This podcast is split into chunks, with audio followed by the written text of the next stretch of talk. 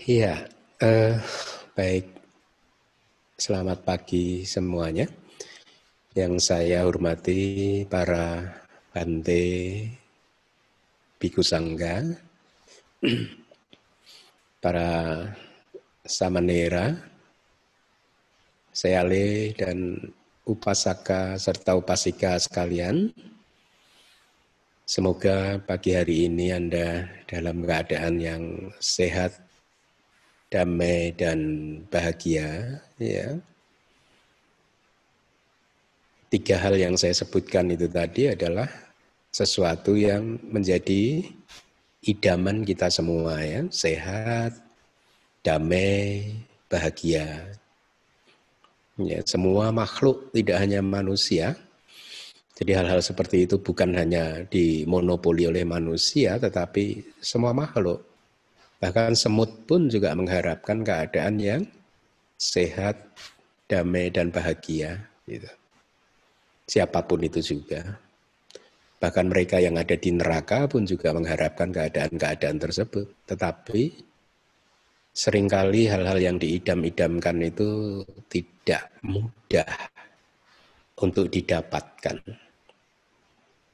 Tidak mudah untuk didapatkan, tidak hanya dikarenakan oleh keadaan sekeliling itu artinya oleh buah dari karma-karma buruk kita sendiri yang akhirnya membawa kita ke dalam satu tempat atau ke dalam satu pertemanan, pertemuan dengan mereka-mereka yang akhirnya merugikan kita, ya. Tapi karena kita mengerti dhamma, bukan mereka yang merugikan kita, tetapi sesungguhnya mereka ini adalah media kematangan buah dari perbuatan buruk kita sendiri. Tapi walaupun demikian, sesungguhnya situasi-situasi seperti itu bisa dihindari, ya bisa. Uh, tapi kadang karena banyaknya timbunan karma-karma buruk yang kita lakukan di masa lalu, semuanya itu mengarahkan kita untuk berada dalam posisi yang tidak menguntungkan seperti itu gitu. Ya.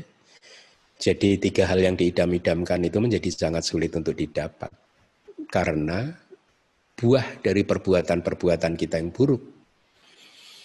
Dan tidak hanya eh, hal-hal e, tersebut tiga hal yang diidamkan itu sulit untuk didapat karena perbuatan-perbuatan kita sendiri yang tidak mendukung, uh, maksud saya buah dari karma buruk yang kita lakukan di masa lalu yang membuatnya sulit mendapatkan hal-hal seperti itu. Tapi hal lain adalah yang menyebabkan sulitnya mendapatkan hal-hal yang diidam-idamkan tersebut adalah keputusan-keputusan kita ya dalam present moment ini itu langkah-langkah kita yang kita ambil di setiap momennya di setiap detiknya ucapan-ucapan kita, perbuatan-perbuatan kita, dan juga pikiran-pikiran kita di setiap momennya, itu sering kali membuat satu keputusan yang salah, yang akhirnya keadaan yang diidam-idamkan itu bisa jadi menjadi semakin menjauh.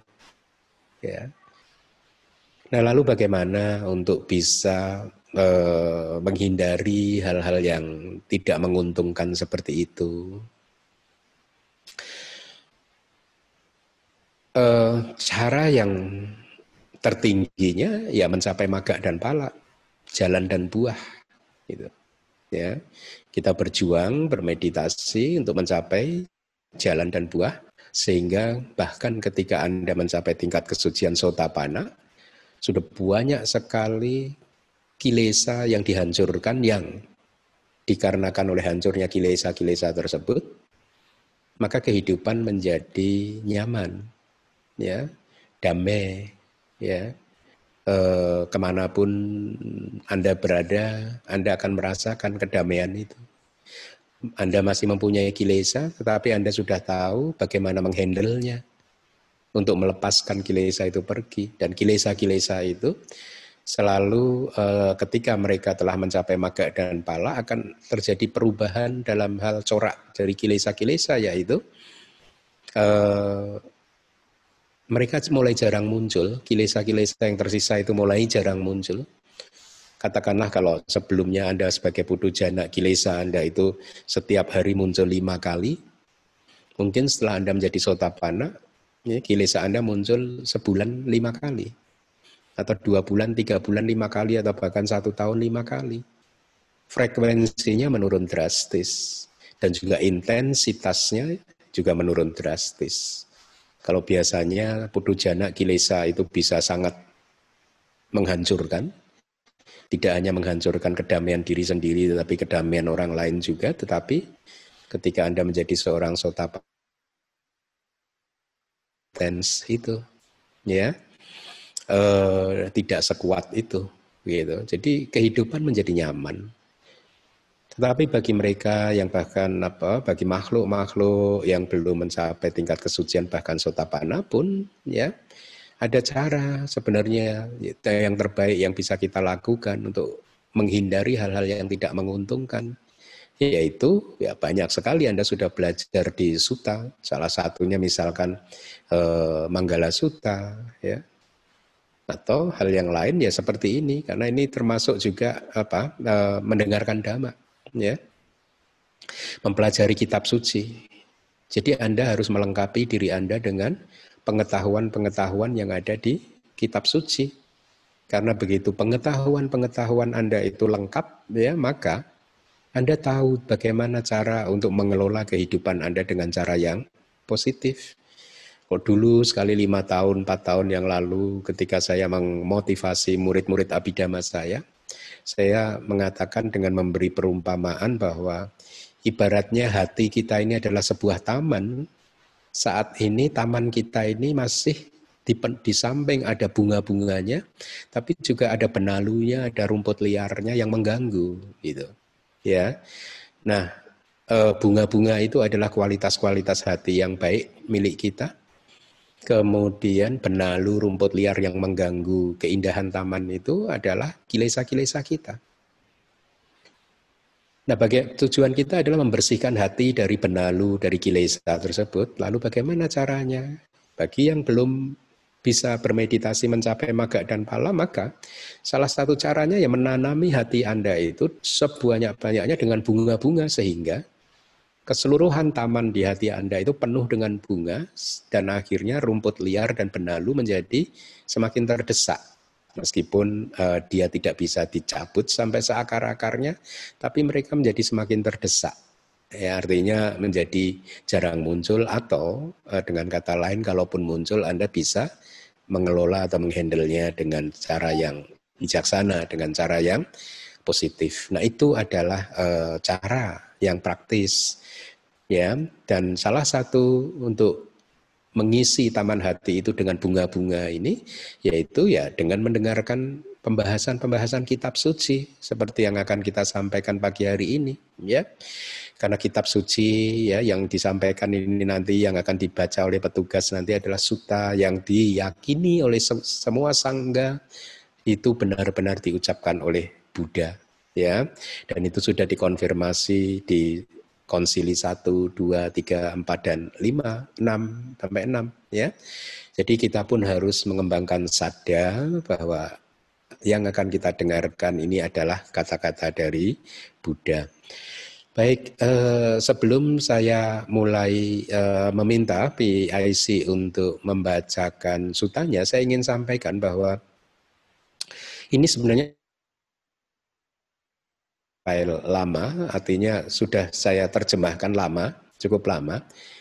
Uh, tetapi kemudian saya tunda-tunda karena saya pikir sebenarnya uh, terjemahan dari komentar kitab komentar dan subkomentar dari suta ini dalam yang uh, dalam bahasa Inggris itu sudah dikerjakan oleh uh, venerable atau yang mulia Bante Soma Tera yang Anda bisa dapatkan di internet PDF-nya begitu ya. Uh, itulah mengapa dulu saya agak uh, akhirnya kayak seperti uh, oke okay, karena sudah disampaikan, sudah diterjemahkan, uh, kemudian saya prioritaskan suta-suta yang lain. Tetapi kemudian eh, semakin ke sini setiap kali saya mendengar mendapat pertanyaan di setiap kelas membuat saya berpikir saya pikir ini eh, suta ini Witaka Santana Suta ini harus saya sampaikan ya. Jadi di dalam suta ini meskipun suta ini adalah suta yang petunjuk Buddha untuk para meditator, para yogi yang ingin mencapai jana ya.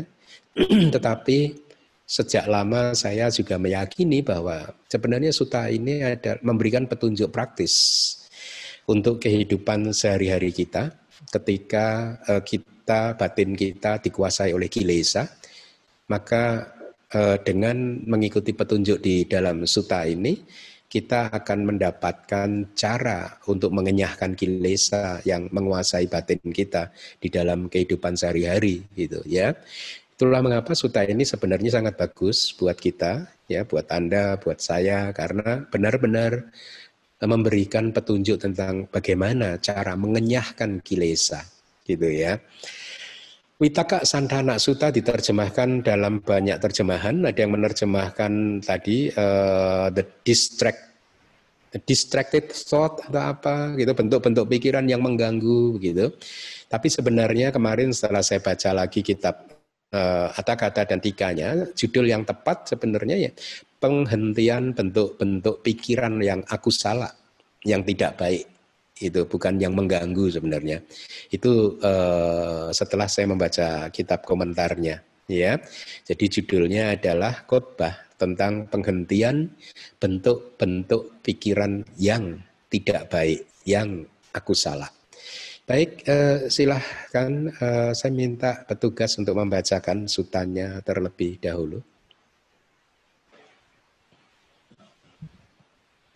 Khotbah tentang penghentian bentuk-bentuk pikiran. Witaka Santhana Sutta.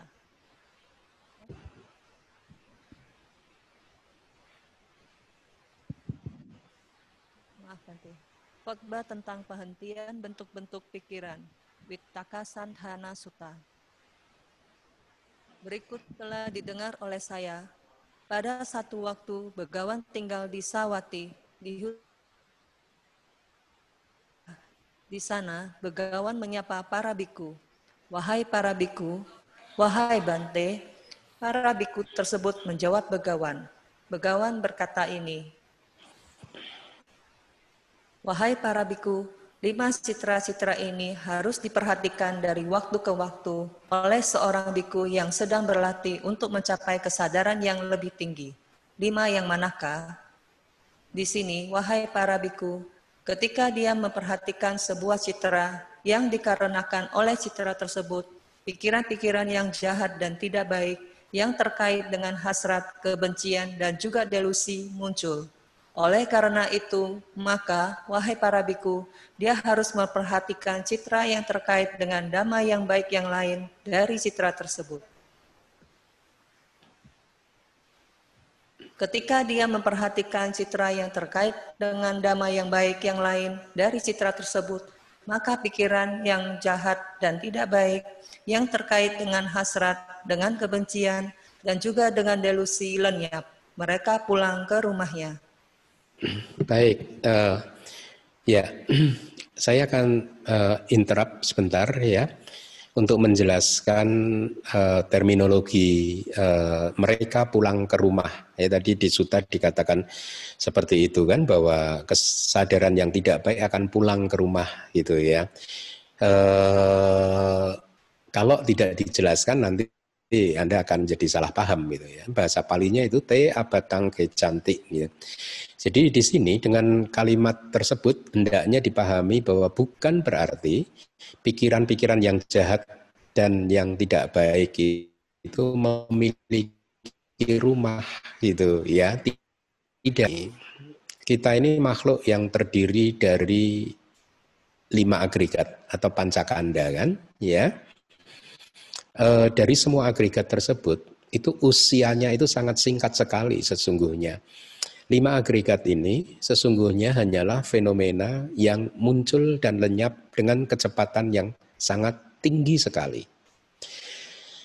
setiap saat, setiap momen, ya bahkan di kitab komentar dijelaskan uh, kodi sata sahasa sangka upacitwa nirujanti dan jadi dalam satu uh, eka carakane di dalam satu jentikan jari itu ada satu triliun fenomena mental yang muncul dan lenyap. Bayangkan kalau kita uh, umpamakan saja satu jentikan jari itu uh, satu detik begitu ya. Jadi dalam satu detik itu sesungguhnya lima agregat kita boleh uh, kita mungkin samakan saja antara rupa kanda atau agregat tubuh jasmani, materi dan juga agregat uh, mental batin kita. Kita samakan saja katakanlah kecepatannya meskipun sebenarnya fenomena materi dan tubuh jasmani ini 17 kali lebih lambat dibandingkan fenomena mental atau kesadaran batin kita begitu ya. Tapi anggap saja ya ini sama katakanlah ya. Jadi di dalam satu detik sebenarnya kita ini dan lenyap selama sebanyak satu triliun. Itulah mengapa di dalam Abhidhamma dikatakan ultimate kematian, kematian yang hakiki sesungguhnya kita ini setiap satu per satu triliun detik meninggal dunia kita ini, gitu, ya. Dan eh, kitab Abhidhamma mengatakan bahwa di mana kesadaran atau batin itu muncul, di situ dia juga lenyap. Dia lenyap di situ juga, di tempatnya itu juga. Begitu.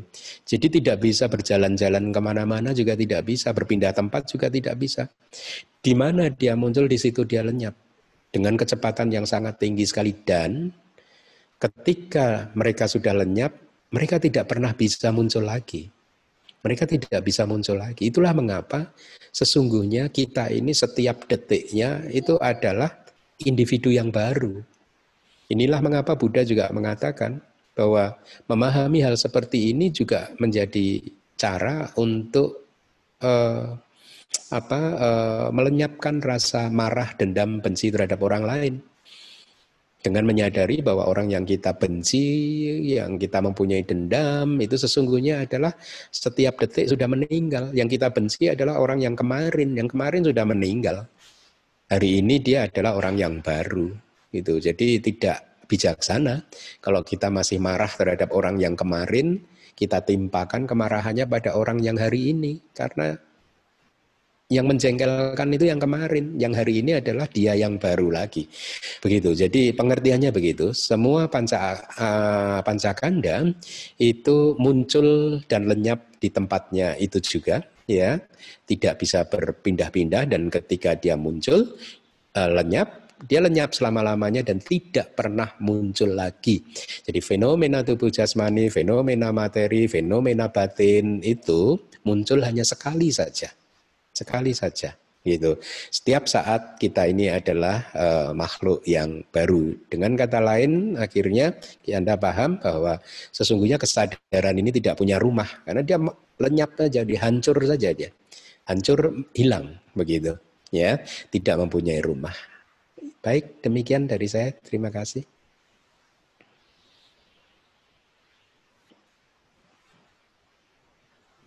Dengan hilangnya mereka, batin hanya secara internal, kuku, hening, menyatu dan terpusat. Seperti halnya wahai para biku, seorang tukang batu yang ahli atau seorang yang magang padanya harus memukul, melepas, dan mencabut sebuah pasak yang kasar dan menggantikannya dengan sebuah pasak yang lembut.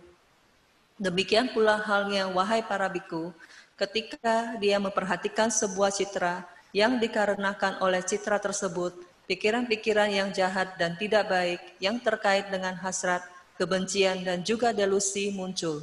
Oleh karena itu, maka wahai para biku, dia harus memperhatikan citra yang terkait dengan dhamma yang baik yang lain dari citra tersebut. Yang terkait dengan dhamma yang baik yang lain dari citra tersebut, maka pikiran-pikiran yang jahat dan tidak baik yang terkait dengan hasrat, dengan kebencian, dan juga dengan delusi lenyap. Mereka pulang ke rumahnya. Dengan hilangnya mereka, batin hanya secara internal, kuku, hening, menyatu, dan terpusat.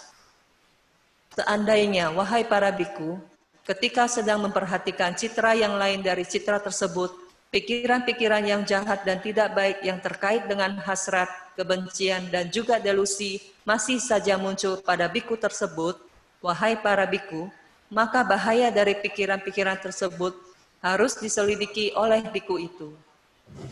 Jadi, pikiran-pikiran ini adalah tidak baik, tercela, dan juga memberikan penderitaan sebagai resultannya.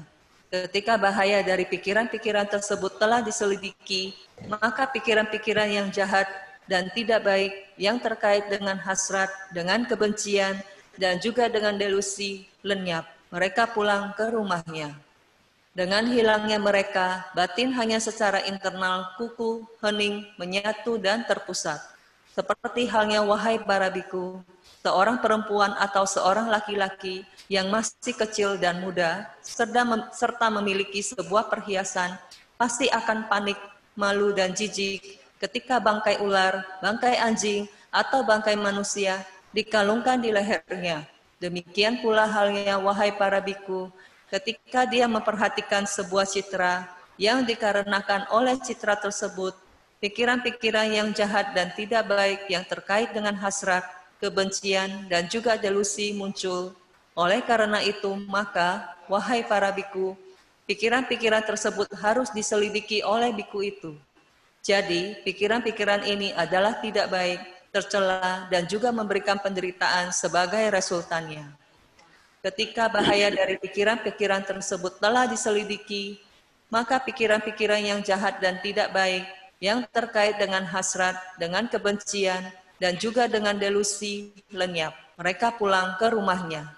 Dengan hilangnya mereka, batin hanya secara internal, kuku, hening, menyatu, dan terpusat. Seandainya, wahai para biku, ketika bahaya dari pikiran-pikiran tersebut pun sedang diselidiki oleh biku tersebut, Pikiran-pikiran yang jahat dan tidak baik yang terkait dengan hasrat, kebencian, dan juga delusi masih saja muncul pada biku tersebut, wahai para biku, maka dia harus melupakan dan tidak memperhatikan pikiran-pikiran tersebut. Ketika dia melupakan dan tidak memperhatikan pikiran-pikiran tersebut, maka pikiran-pikiran yang jahat dan tidak baik yang terkait dengan hasrat, dengan kebencian, dan juga dengan delusi lenyap. Mereka pulang ke rumahnya. Dengan hilangnya mereka, batin hanya secara internal, kuku, hening, menyatu, dan terpusat.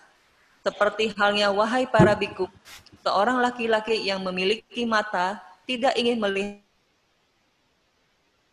dalam jangkauan indera matanya, dia akan memejamkan dua matanya atau akan melihat objek-objek yang lainnya.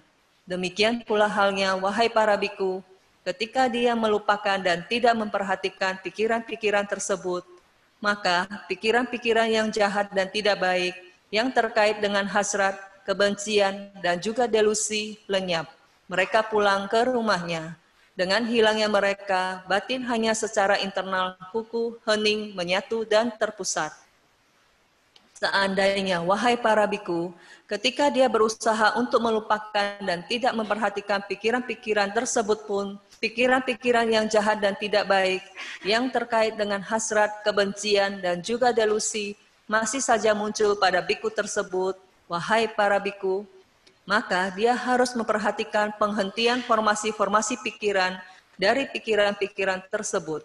Ketika dia memperhatikan penghentian formasi-formasi pikiran dari pikiran-pikiran tersebut, maka pikiran-pikiran yang jahat dan tidak baik yang terkait dengan hasrat, dengan kebencian, dan juga dengan delusi lenyap. Mereka pulang ke rumahnya. Dengan hilangnya mereka, batin hanya secara internal, kuku, hening, menyatu, dan terpusat. Seperti halnya, wahai para biku, seorang laki-laki yang berjalan dengan cepat, pikiran yang demikian muncul padanya. Mengapa saya harus berjalan dengan cepat? Bagaimana seandainya saya berjalan perlahan-lahan saja, dia pun berjalan perlahan-lahan. Pikiran yang demikian muncul padanya. Mengapa saya harus berjalan perlahan-lahan? Bagaimana seandainya saya berdiri saja, dia pun berdiri. Pikiran yang demikian muncul padanya. Mengapa saya harus berdiri? Bagaimana seandainya saya duduk saja, dia pun duduk. Pikiran yang demikian muncul padanya. Mengapa saya harus duduk? Bagaimana seandainya saya berbaring saja, dia pun berbaring. Demikianlah wahai para biku, Laki-laki tersebut setelah menghindari setiap sikap tubuh yang lebih kasar, dia pun mengarah pada sikap tubuh yang lebih lembut. Demikian pula halnya, wahai para biku, ketika dia memperhatikan penghentian formasi-formasi pikiran dari pikiran-pikiran tersebut, maka pikiran-pikiran yang jahat dan tidak baik yang terkait dengan hasrat, dengan kebencian, dan juga dengan delusi lenyap. Mereka pulang ke rumahnya. Dengan hilangnya mereka, batin hanya secara internal, kuku, hening, menyatu, dan terpusat. Seandainya, wahai para biku, ketika dia memperhatikan penghentian formasi-formasi pikiran dari pikiran-pikiran tersebut pun, pikiran-pikiran yang jahat dan tidak baik yang terkait dengan hasrat, kebencian, dan juga delusi masih saja muncul pada biku tersebut, wahai para biku, maka dengan mengatupkan gigi-gigi dan lidah yang menyentuh langit-langit mulut, dia harus menangkap, menundukkan, dan menghancurkan batin dengan batin Ketika dengan gigi-giginya saling menekan dan lidah yang menyentuh langit-langit mulut, dia menangkap, menundukkan, dan menghancurkan jahat dan tidak baik yang terkait dengan hasrat, kebencian, dan juga delusi lenyap. Mereka pulang ke rumahnya. Dengan hilangnya mereka, batin hanya secara internal kuku, hening, menyatu, dan terpusat. Seperti halnya wahai para biku, Seorang laki-laki yang kuat menangkap dengan mencengkeram kepala, leher, atau seorang laki-laki yang lebih lemah, menundukkan dan menghancurkannya. Demikian pula halnya, wahai para biku, ketika dia memperhatikan penghentian formasi-formasi pikiran dari pikiran-pikiran tersebut pun, pikiran-pikiran yang jahat dan tidak baik yang terkait dengan hasrat, kebencian, dan juga delusi masih saja muncul pada biku tersebut, maka, wahai para biku, dengan gigi-giginya yang saling menekan dan lidah yang menyentuh langit-langit mulut, dia harus menangkap, menundukkan, dan menghancurkan batin dengan batin. Ketika dengan gigi-giginya saling menekan dan lidah yang menyentuh langit-langit mulut, dia menangkap, menundukkan, dan menghancurkan batin dengan batin. Pikiran-pikiran yang jahat dan tidak baik yang terkait dengan hasrat, kebencian, dan juga delusi lenyap. Mereka pulang ke rumahnya. Dengan hilangnya mereka, batin hanya secara internal, kuku, hening, menyatu, dan terpusat. Wahai para biku, ketika seorang biku memperhatikan sebuah citra yang dikarenakan oleh citra tersebut, pikiran-pikiran yang jahat dan tidak baik yang terkait dengan hasrat, kebencian, dan juga delusi muncul. Oleh karena itu, maka, wahai para biku, dia harus memperhatikan citra yang terkait dengan dhamma yang baik yang lain, dari citra tersebut. Ketika dia memperhatikan citra yang terkait dengan dhamma yang baik yang lain dari citra tersebut, maka pikiran-pikiran yang jahat dan tidak baik yang terkait dengan hasrat, dengan kebencian, dan juga dengan delusi lenyap. Mereka pulang ke rumahnya. Dengan hilangnya mereka, batin hanya secara internal kuku, hening, menyatu, dan terpusat. Ketika bahaya dari pikiran-pikiran tersebut diselidiki, dan seterusnya. Ketika dia melupakan dan tidak memperhatikan pikiran-pikiran tersebut dan seterusnya. Ketika dia memperhatikan penghentian formasi-formasi pikiran dari pikiran-pikiran tersebut dan seterusnya. Ketika dengan gigi-giginya saling menekan dan lidah yang menyentuh langit-langit mulut, dia menangkap, menundukkan, dan menghancurkan batin dengan batin, pikiran-pikiran yang jahat dan tidak baik, yang terkait dengan hasrat, kebencian, dan juga delusi lenyap. Mereka pulang ke rumahnya. Dengan hilangnya mereka, batin hanya secara internal, kuku, hening, menyatu, dan terpusat. Wahai para biku, biku ini dikatakan sebagai seorang yang menguasai jalan aliran pikiran. Dia akan memikirkan pikiran apa pun yang dia inginkan. Dia tidak akan memikirkan pikiran apa pun yang tidak diinginkan dia sudah menghancurkan kehausan, membuang belenggu-belenggu, dan mengakhiri penderitaan dengan melalui penembusan ke Itulah yang Begawan katakan, para biksu tersebut bersuka cita dan sangat senang pada apa yang diucapkan oleh Begawan. Baik, uh, terima kasih uh, Aling. Itu tadi sutanya, ya, sangat menarik, bukan? Ya, Eh, oleh karena itu, Anda saya sarankan untuk benar-benar eh, membacanya berulang-ulang suta tersebut dan tentu saja tidak lupa dengan menjelaskan apa mendengarkan penjelasan yang sesuai dengan kitab komentar yang bahasa Inggrisnya sudah ada dari uh, dengan judul yang sama Anda bisa ketik misalkan commentary to Witaka Santana Sutta by Venerable Somatera PDF begitu mungkin Anda akan mendapatkan itu terjemahan bahasa Inggrisnya gitu ya.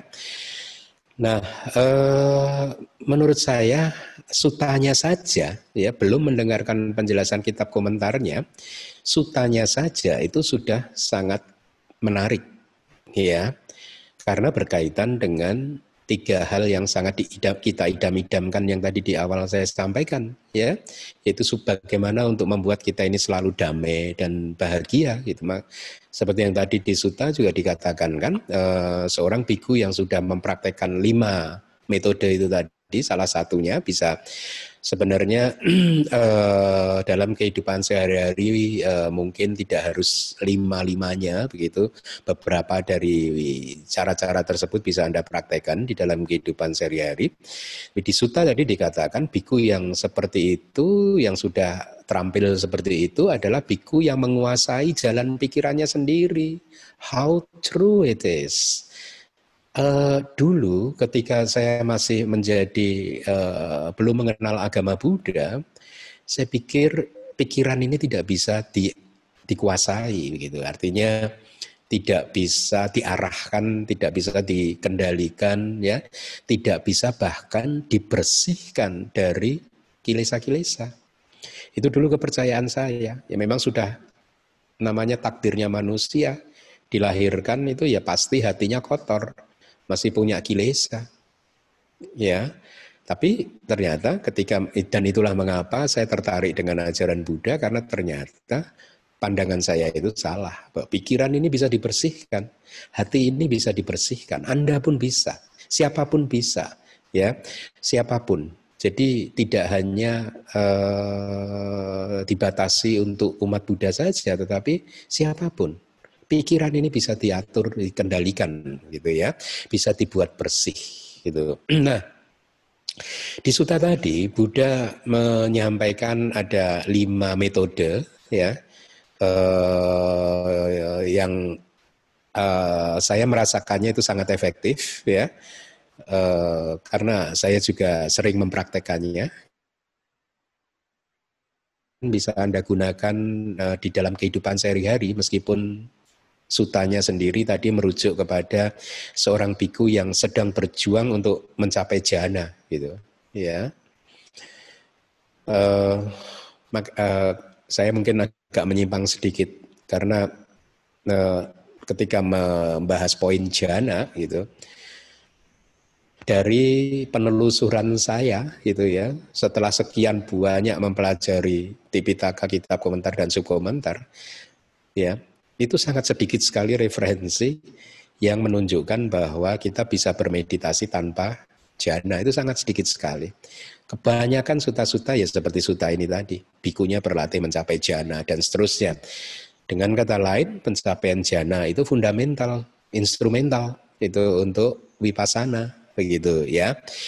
Nah, jadi suta ini e, diajarkan kepada para biku yang sedang bermeditasi untuk mencapai jana, tapi bagi Anda yang sering retret, Anda mengerti bahwa ketika retret, sering kali pikiran-pikiran Anda itu e, yang muncul adalah pikiran yang aku salah, atau dalam bahasa suta tadi adalah yang papak dan aku salah, yang jahat, dan pikiran yang aku salah, yang tidak baik, yang sering muncul uh, saya juga uh, tahu bahwa ada juga banyak yogi-yogi yang ketika retret dan ketika pikiran yang jahat dan yang tidak baik itu muncul, mereka berjuang dan tetap saja mereka tidak bisa untuk mengenyahkannya. Ya, tidak berhasil untuk melenyapkan pikiran-pikiran yang jahat dan pikiran-pikiran yang uh, tidak baik.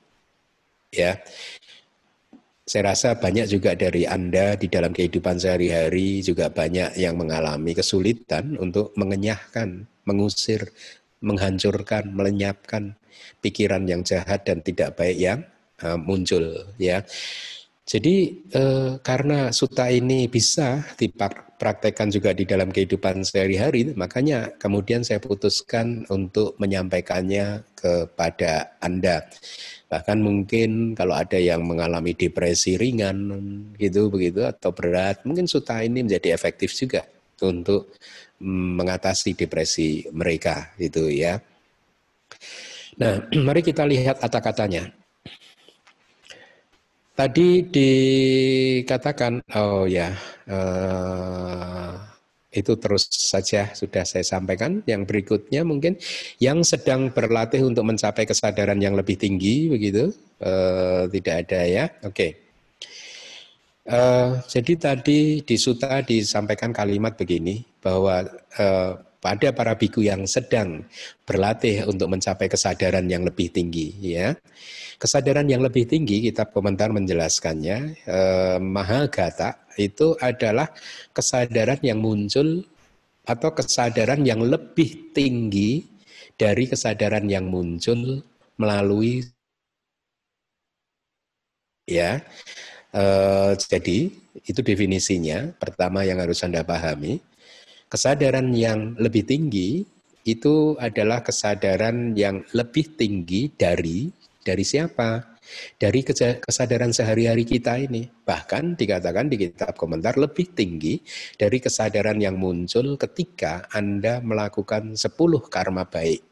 Ya, ketika Anda melakukan 10 karma baik, yang muncul pada saat itu adalah kesadaran maha kusala, kesadaran baik yang besar. Ya, dia kesadaran baik tetapi masih ada kesadaran yang lebih tinggi dari itu, yaitu apa? Kitab komentar menjelaskannya delapan pencapaian jana ada sama pati bahasa palinya. Tapi yang menarik kitab komentar juga menjelaskannya begini, delapan pencapaian jana ini adalah fondasi untuk wipasana. Jadi ini penting sekali kita Buddhis eh, siapa pun yang mengejar jana dia tidak boleh berhenti di dalam jana saja ya. Bahwa jana itu instrumental uh, untuk praktek vipassana ya. Jadi tujuan akhirnya adalah untuk fondasi bagi vipassana anda begitu ya.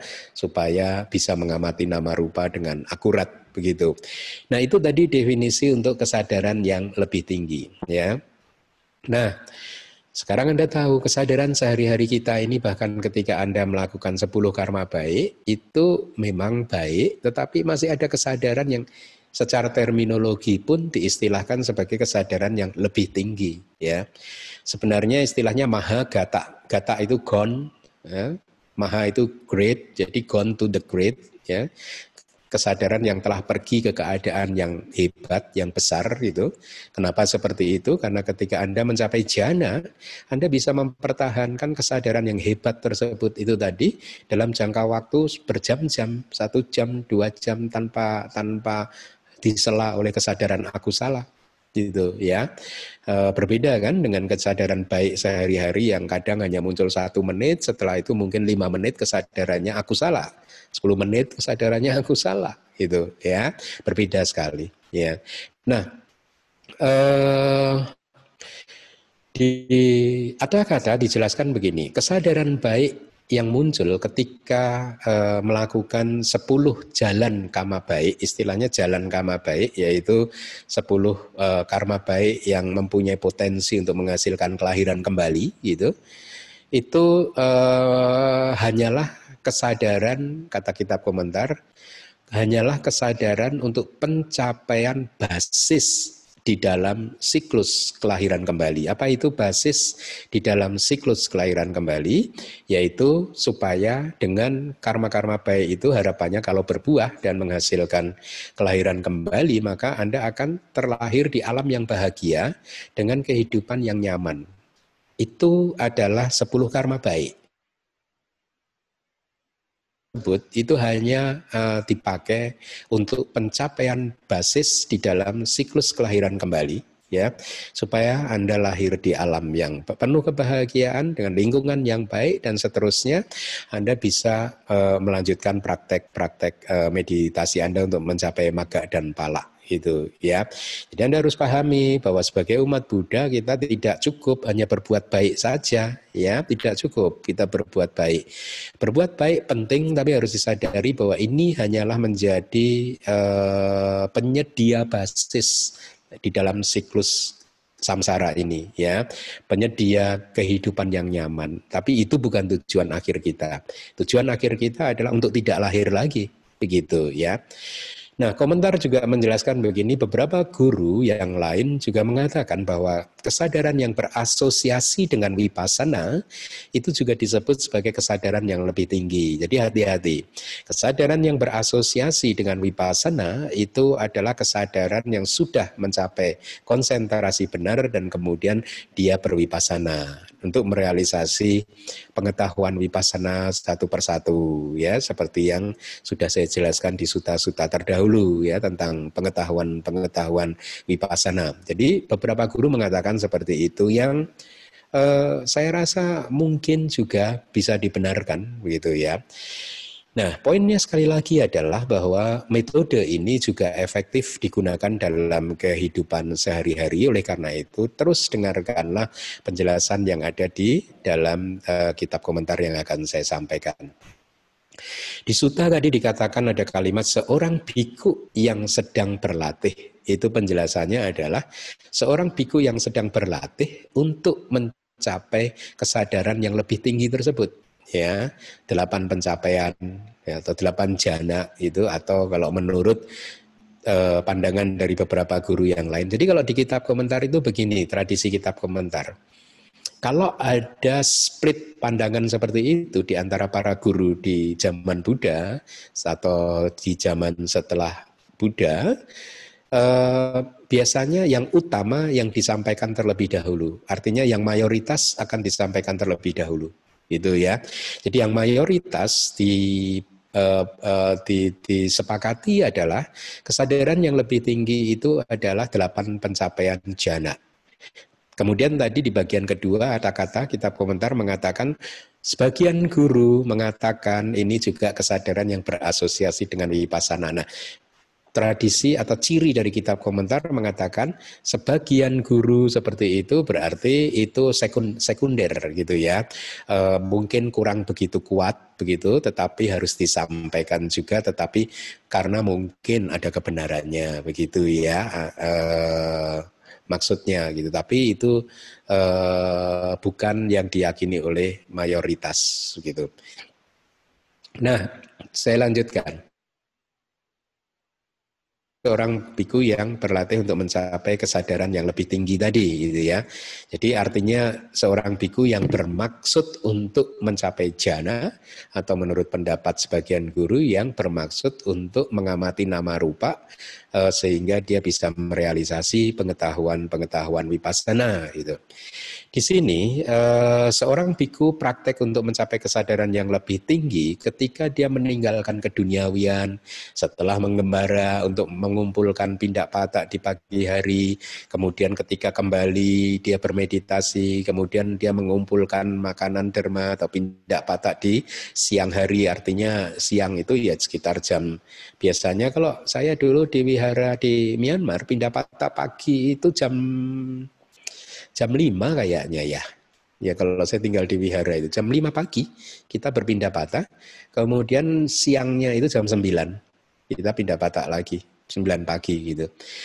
Jadi setelah mengambil pindah patah tadi, kemudian mengambil alas duduk di bawah duduk di bawah pohon tertentu, di hutan belukar, di kaki gunung atau di lereng gunung dengan pikiran demikian, saya akan melaksanakan tugas dan kewajiban seorang pertapa. Apa itu tugas dan kewajiban seorang pertapa?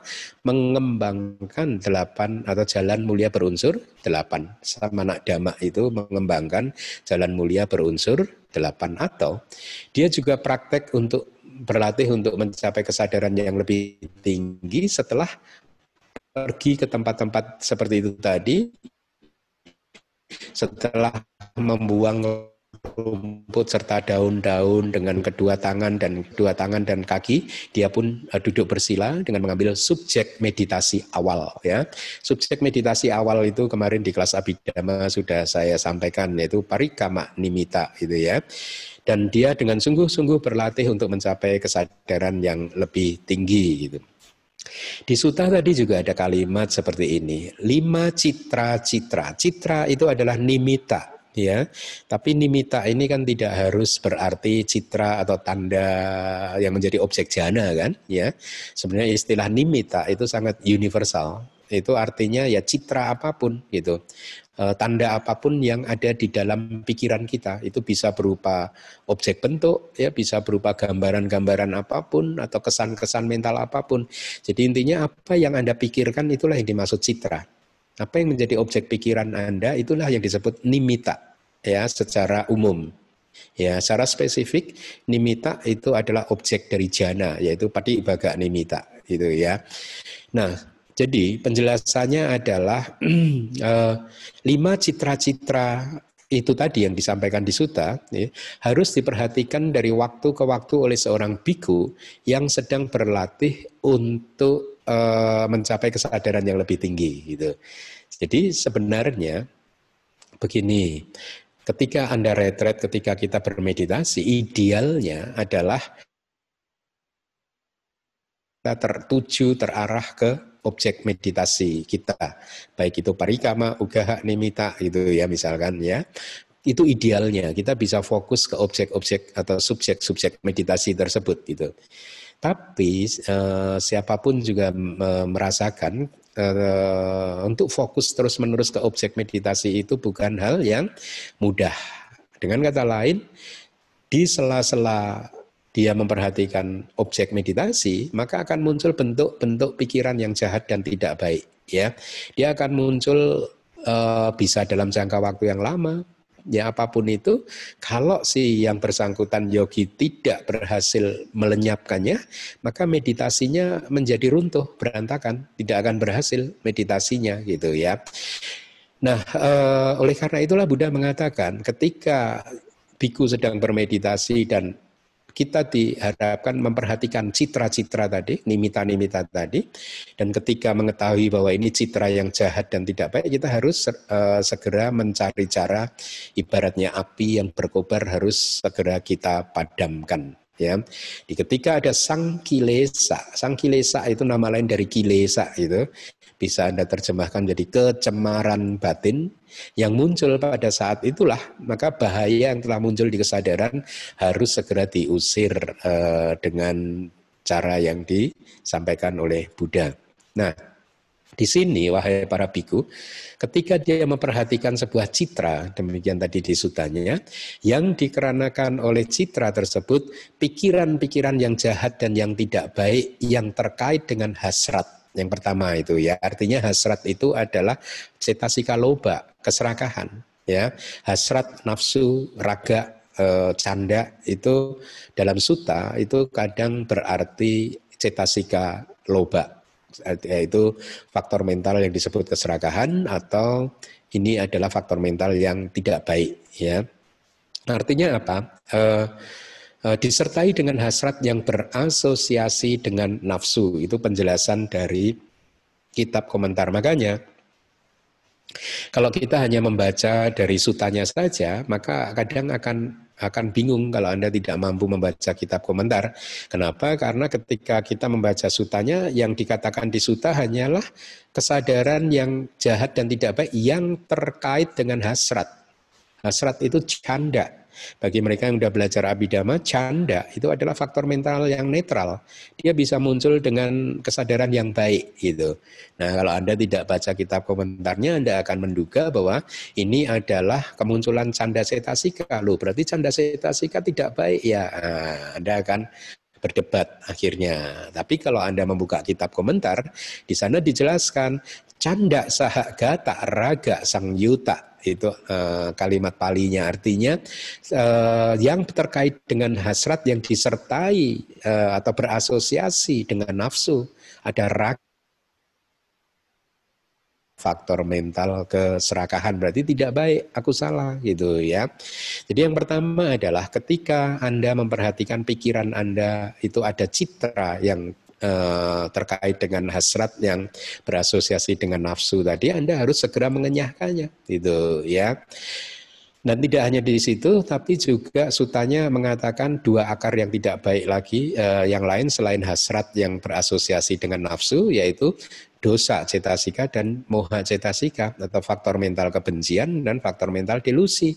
Ya, jadi yang cara pertama itu ketika Anda di dalam kehidupan sehari-hari menangkap di dalam mental Anda ada citra yang eh, berkaitan dengan hasrat, yang berkaitan dengan nafsu atau dengan kebencian atau dengan delusi, maka Anda harus segera melakukan usaha sesuai dengan petunjuk di suta ini, ya.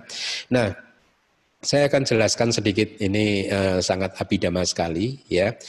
Jadi uh, di dalam uh, abidama itu uh, batin kita ini, kesadaran kita ini ya atau semua makhluk kalau dikumpulkan itu jumlahnya itu ada uh, 89 atau kalau diurai sesuai dengan pencapaian jananya ada 121 jenis kesadaran siapa pun yang mencapai sudah mencapai maga pala jana itu ya kira-kira ya 121 variasinya ya Nah, eh, dari 89 jenis atau 121 kesadaran tadi, ada 12 jenis kesadaran yang tidak baik, yang aku salah, yang jahat, ya.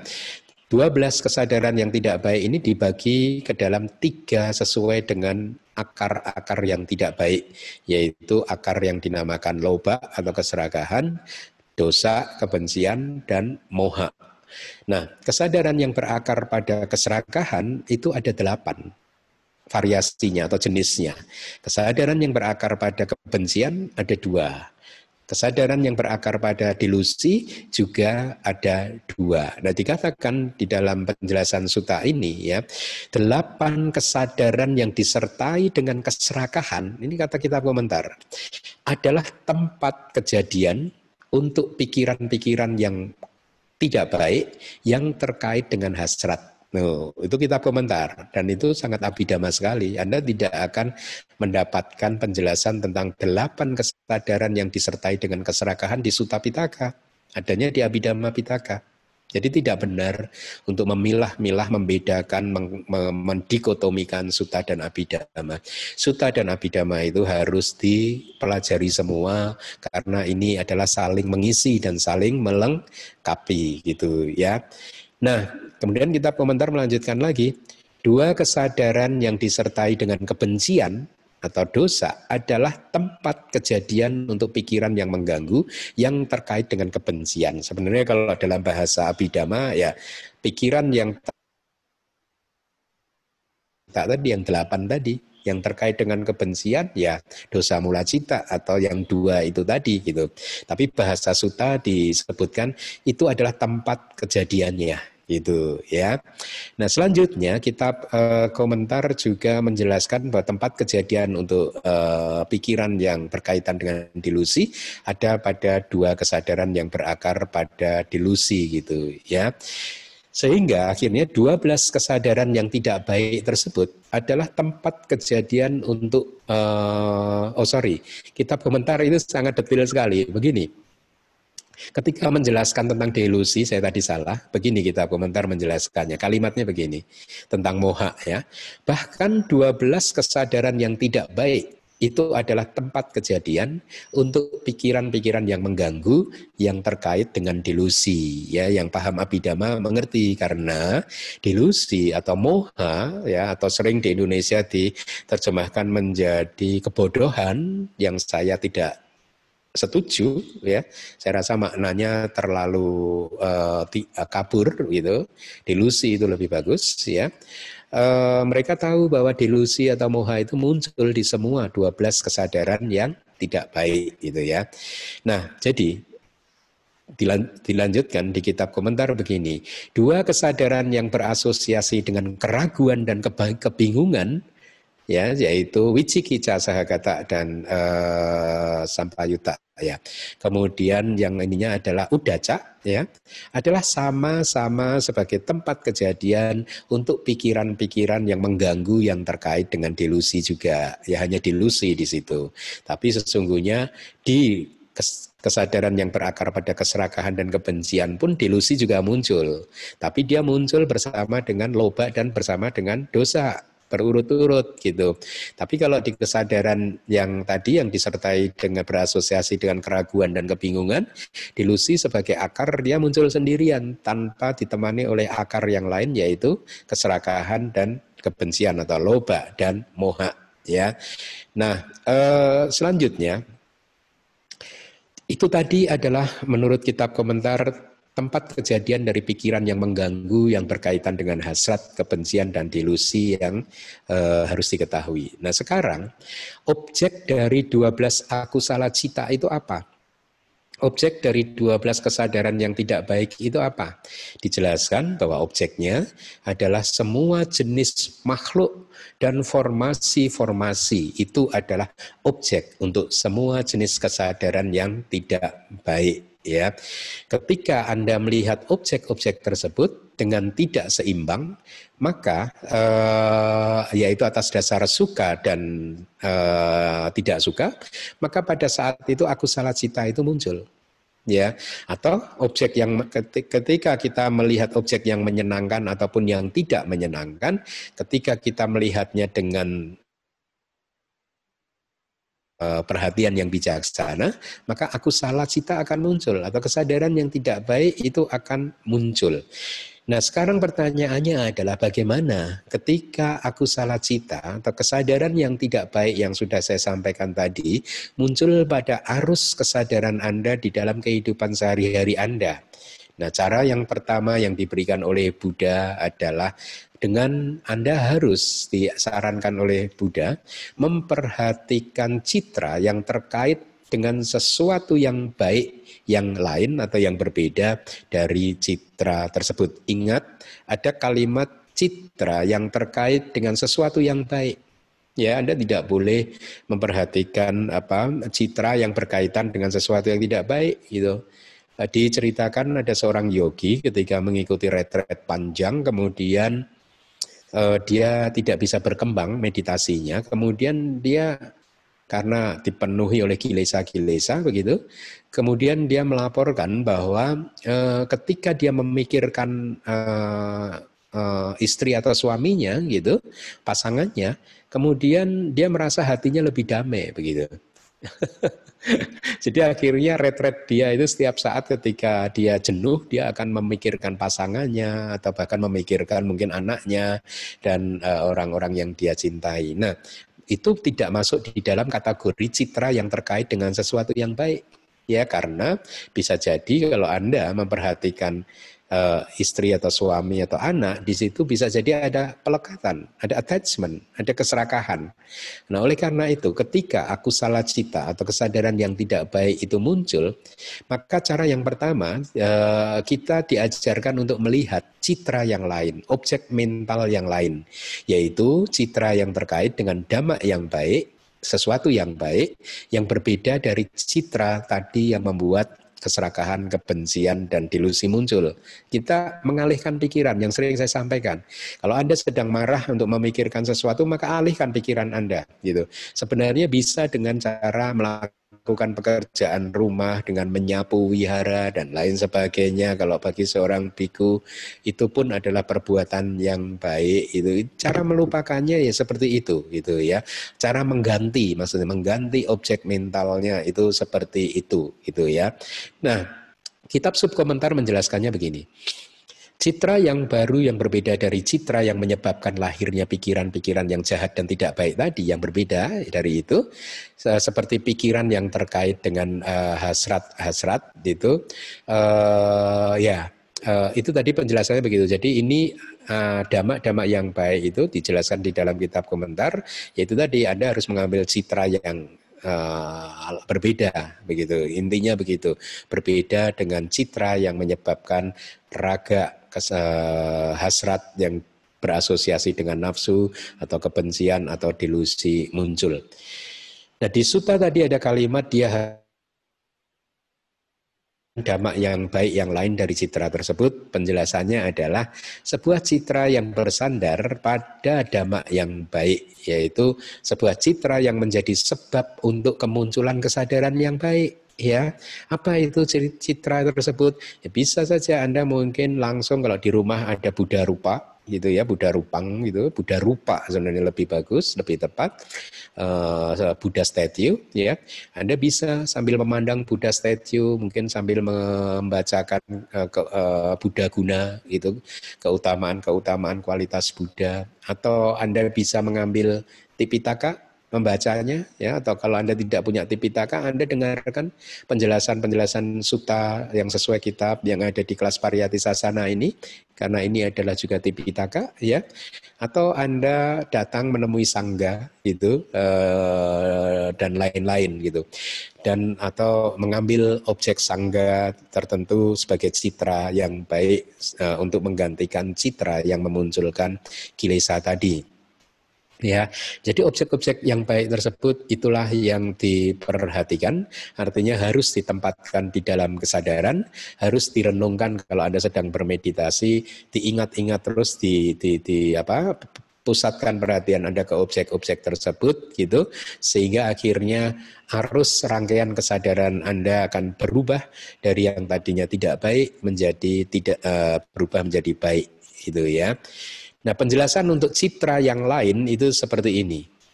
Ketika pikiran yang mengganggu yang terkait dengan hasrat atau loba tadi, keserakahan telah muncul terhadap makhluk. Kan tadi ada dua kan. Kalau kilesa itu muncul terhadap makhluk atau kalau kilesa itu muncul terhadap formasi-formasi.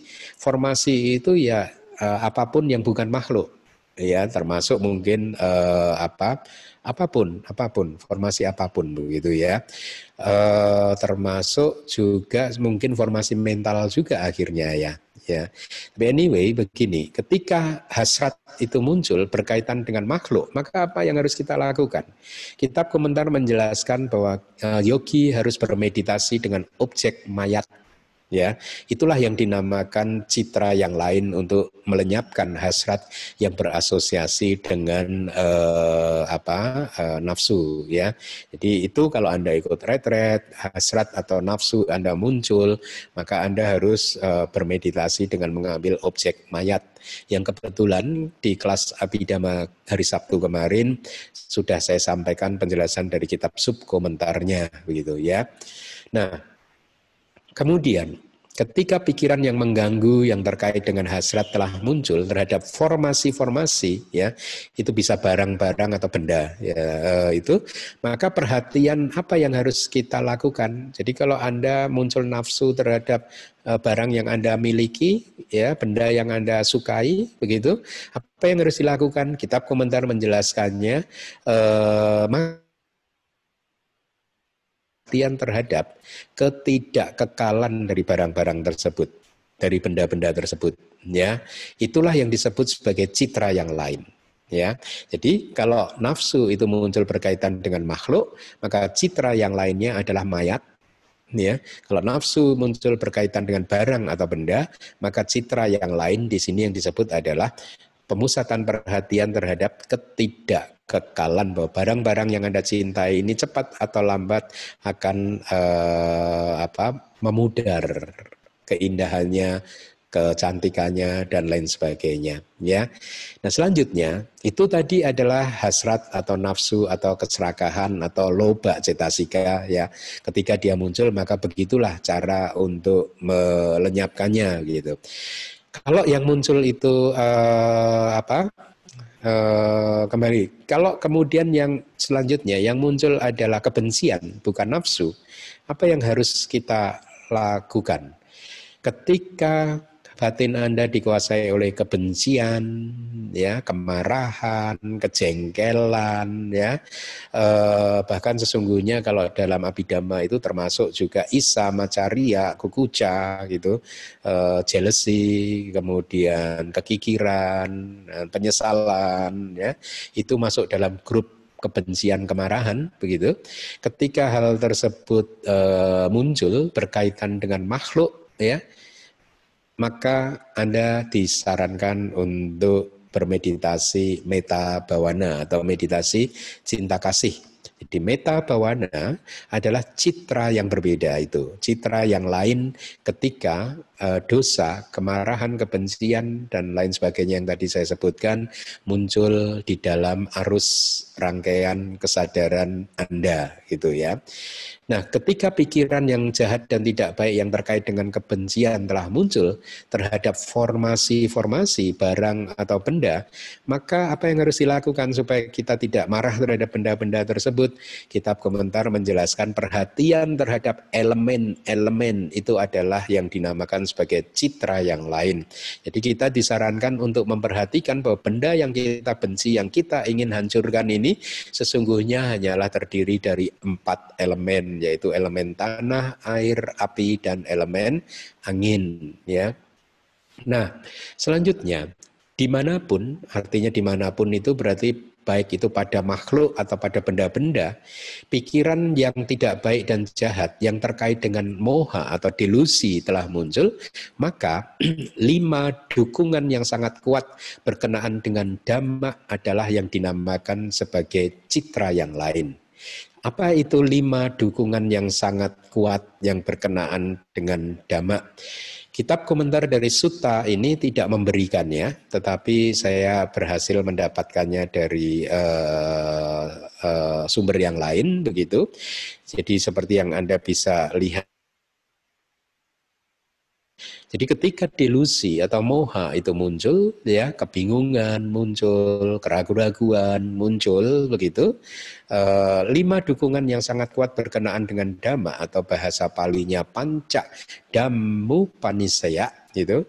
Yang pertama adalah keakraban dengan guru. Artinya Anda harus mendekat kepada guru ya, menanyakannya problem Anda kepada guru dan seterusnya begitu. Kemudian cara yang kedua bisa dengan cara resitasi dhamma, udesa. resitasi dhamma itu kayak e, mengulang gitu ya. E, samanera samanera apa? E, satu samanera murid saya dan calon samanera yang ada di sini itu, saya minta untuk menghafalkan uh, Abhidhamma Sanggaha. Sepertinya mereka sudah hafal mungkin bab pertama harusnya. Samanera udah hafal katanya bab pertama dan udah masuk ke bab yang kedua. Calon Samanera harusnya juga sudah hafal dan juga saya meminta dia untuk menghafal satu suta dari Majjhima Nikaya gitu. Jadi itulah eh, resitasi itu begitu. Jadi mengulang, eh, mengulang-ulang kalimat di dalam suta, ya. Dalam hal ini kepada samanera dan calon samanera yang saya minta untuk diulang adalah bahasa palinya, kalimat palinya, gitu. Jadi itulah yang dimaksud resitasi dhamma. Jadi ketika anda meng uh, meresitasi recite uh, dhamma ya maka bisa jadi delusi akan lenyap atau kalau itu berkaitan dengan keraguan-raguan atau kebingungan, maka penyelidikan makna dari apa yang sudah Anda hafalkan kaitannya dengan ajaran Buddha harus dilakukan yaitu yang nomor tiga gitu. Kemudian yang nomor empat adalah pendengaran ajaran atau dhamma pada waktu yang tepat. Ketika kilesa muncul, justru pada saat itu Anda harus mendengarkan dhamma. Ya, eh, apa? Dengan mendengarkan dhamma, maka batin Anda menjadi positif lagi, menjadi baik lagi. Kelima adalah pemisahan tentang apa yang merupakan sebab dan yang bukan sebab. Dana, dana winicaya, pemisahan atau analisis ini sebab, ini bukan sebab gitu. Itulah mengapa ya, salah satu uh, apa manfaat yang bisa didapatkan oleh seorang yogi yang sudah berlatih adalah pikirannya itu akan otomatis selalu mencari sebab dan akibat. Bahkan di dalam kehidupan sehari-hari, pikiran mereka akan ketika ada masalah apa pun, dia akan secara otomatis pikiran itu akan mencari sebab dan akibat. Ini efek dari wipasana. Ketika dia sudah mengembangkan pengetahuan wipasana tentang hubungan sebab dan akibat, maka tanpa mereka sadari itu terbawa di dalam kehidupan sehari-hari sehingga ketika mereka mendapatkan masalah apa pun, secara otomatis dia akan mencari sebabnya apa gitu dan dia akan terus menyelidiki ini sebab atau bukan, ini sebab atau bukan seperti itu di dalam kehidupan sehari-hari. Nah, dengan demikian moha delusi bisa dienyahkan. Nah, Uh, itu bahasan yang disampaikan di dalam kitab komentar ya. Uh, dan juga beberapa dari sub komentar ya uh, tentang cara yang pertama yaitu ketika pikiran yang tidak baik muncul di dalam kehidupan sehari-hari ya. Meskipun suta ini berkenaan dengan yogi yang sedang berlatih untuk bermeditasi untuk mencapai jana, tetapi saya katakan berulang-ulang uh, di penjelasan ini bahwa cara ini pun sangat efektif, ya. Dan saya sering mempraktekannya di dalam kehidupan sehari-hari, sering-sering mempraktekannya. Itulah mengapa saya bisa mengatakan ini sangat efektif, gitu, ya sangat efektif, ya. Nah, uh, itu yang bisa saya sampaikan Eh, penjelasan dari kitab komentar. Semoga dari penjelasan ini Anda bisa mengerti sekarang paling tidak satu cara dari lima cara yang akan disampaikan minggu depan ya eh, tentang bagaimana cara menghandle arus pikiran Anda khususnya ketika pikiran sedang yang tidak baik dan yang jahat sedang muncul. Demikian eh, terima kasih. Sadu, sadu. Anumodana Bante atas penjelasan sutta yang telah disampaikan kepada kami. Berikutnya kita akan memasuki sesi tanya jawab. Untuk itu kami akan bacakan tata tertib tanya jawab ini. Yang pertama, bagi kalian mita yang ingin bertanya, kami persilahkan segera klik tanda raise hand, di mana fitur ini ada di bagian participant bagi yang menggunakan komputer, dan ada di bagian titik tiga bagi yang menggunakan handphone. Host yang akan menentukan siapa yang mendapatkan giliran untuk bertanya, dan pertanyaan diharapkan sesuai dengan topik ceramah. Bagi kalian mita yang diperbolehkan bertanya, akan di-unmute oleh host, jadi kalian mita tidak perlu melakukan apa pun, dan kami harapkan kalian minta untuk memperkenalkan diri dengan menyebutkan nama dan kota atau negara tempat tersebut. Dikarenakan adanya keterbatasan waktu, maka harap maklum apabila tidak semua penanya akan mendapatkan giliran. Supaya memberikan kesempatan kepada semua kalemita yang ingin bertanya, kami mohon agar masing-masing penanya dapat mengajukan satu pertanyaan terlebih dahulu. Kesempatan pertama kami berikan kepada Saudari Shirley. Kami persilahkan.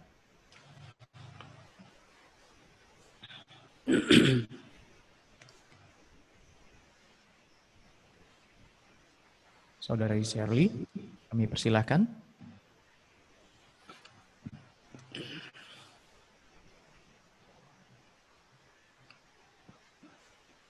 Pemisahan tentang apa yang merupakan sebab dan bukan sebab.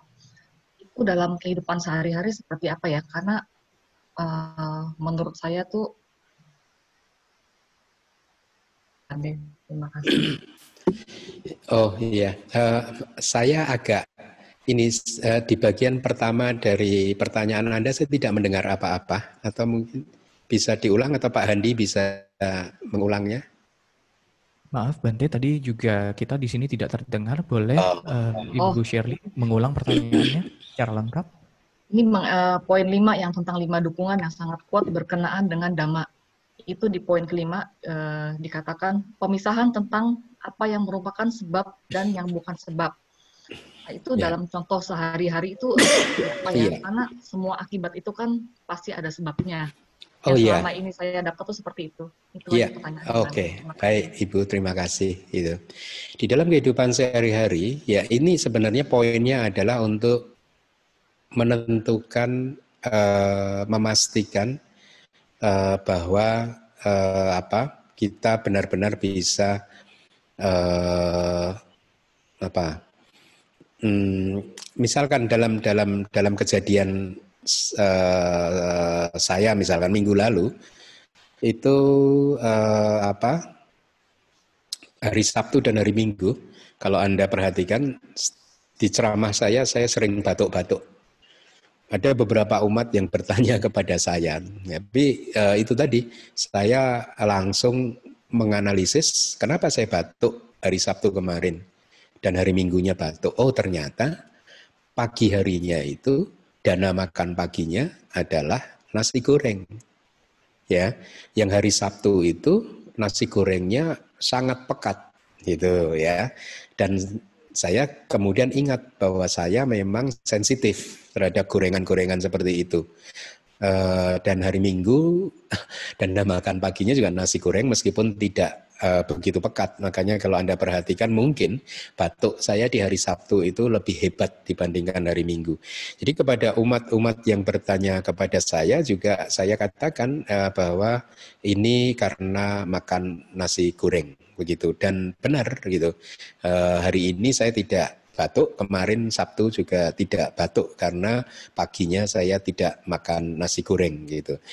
Atau dalam kejadian-kejadian yang lainnya juga uh, begitu. Jadi ketika ada masalah kita harus segera mencari apa sebabnya. Misalkan, misalkan. Uh, tapi intinya begini, Bu. Intinya begini bahwa uh, fokus pertama adalah pada diri kita. Karena memang sesungguhnya ya orang lain itu tidak pernah menjadi sebab gitu ya uh, orang lain itu seperti yang tadi di awal saya sampaikan mereka itu hanya media untuk kematangan buah dari karma-karma kita itu ya. Misalkan di dalam kejadian sehari-hari gitu Anda mempunyai perusahaan misalkan seseorang mempunyai perusahaan kemudian karena Anda bosnya Anda memilih menjadi direkturnya begitu ya dan ketika anda memilih teman anda sebagai direkturnya pada awal sejak menit pertama katakanlah atau minggu pertama sebenarnya feeling anda merasakan bahwa ini orang ini sebenarnya tidak mampu untuk tidak mempunyai kapasitas untuk menjadi direktur begitu ya. E, tetapi anda tidak segera menggantinya karena berpikir bahwa kelemahan dia katakanlah bisa ditambal begitu atau bisa diperbaiki oleh dirinya sendiri atau ditambal dengan uh, tim oleh tim misalkan begitu ya. Nah, sehingga cerita Anda tidak segera mengambil keputusan untuk mengganti teman Anda tadi sebagai seorang pimpinan.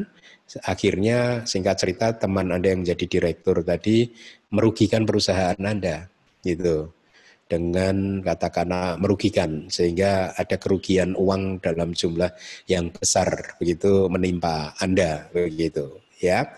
Dan pada saat itu Anda harus segera menganalisis bahwa kesalahan bukan pada dia. Gitu. Kesalahan adalah pada kenapa Anda memilih dia satu dan kenapa Anda memilih dia itu juga itu kesalahan di present moment, keputusan Anda di saat itu kenapa Anda memilih dia atau kenapa Anda tidak segera mengganti atau Anda juga harus segera menemukan sebabnya yaitu uh, bahwa ini semua adalah buah dari perbuatan buruk yang Anda lakukan di masa lalu gitu. Nah, jadi sebabnya ada di dalam diri Anda, yang bukan sebab itu adalah direkturnya itu tadi. Gitu. Direkturnya bukan sebabnya. Ya dia hanya media saja yang mematangkan membantu kita. Tapi kesalahan ada di kita sendiri begitu ya. Atau dalam contoh yang tadi nasi goreng menurut saya sebabnya adalah nasi goreng ya. Bukan karena hawa dingin di Megamendung atau bukan karena uh, asam lambung bukan. Waktu itu saya segera mengatakan kepada beberapa umat bahwa ini karena saya makan nasi goreng jadi di luar nasi goreng bukan sebab Lalu saya langsung merenung pada waktu itu begini gitu. Ha, besok lagi kalau saya bertemu dengan hal seperti itu, maka kalau saya masih kenyang, saya mungkin akan hindari tidak makan pagi. Kalau saya merasa bahwa saya masih kuat berceramah tanpa makan pagi, mungkin saya tidak akan makan nasi goreng itu, itu. Atau kalau saya ada aktivitas yang kayak ceramah begitu, kalau ketemu kejadian seperti itu lagi, mungkin saya harus makan sedikit saja. Just hanya untuk supporting uh, stomach saya supaya tidak melilit saja sehingga saya bisa berceramah begitu. Itu pun langsung pikiran-pikiran seperti itu muncul Ibu ya. Artinya apa? Saya uh, waktu itu kemudian mencari jalan keluar supaya kalau di masa depan hal seperti itu saya temui lagi, maka saya sehingga tidak mendapatkan hasil efek kejadian yang seperti itu itu nah itu yang dimaksudkan Bu. Ya memang benar apa pun yang terjadi pada kita itu pasti mempunyai sebab begitu. Tapi suta ini tadi secara spesifik menjelaskan adalah ketika eh, pikiran atau kejadian yang buruk itu terjadi atau menimpa kita gitu ya. Maka kita harus segera bisa menganalisa mana sebab dan mana bukan sebab ya uh, supaya pikiran kita tetap positif ya. Supaya katakanlah tadi kalau anda punya teman direktur tadi karena anda tahu bahwa sesungguhnya ini buah karma buruk anda sebenarnya anda bisa melaporkannya kepada polisi. Kawan anda itu tadi karena dia melanggar uh, kebijakan perusahaan anda bisa segera laporkan ke polisi tapi anda bisa memilih untuk tidak melaporkannya ke polisi. Ketika anda mengetahui bahwa ini kesalahan ada pada pesawat televisi kita sendiri. Jokesnya seperti itu. Jadi akhirnya dengan cinta kasih kita lepaskan si direktur tadi baik-baik dan kita uh, bebaskan dia dari segala kesalahannya dan kita berdoa semoga sebagai seseorang dia menjadi orang yang bisa tidak merugikan orang lain, bermanfaat untuk orang lain dan lain sebagainya.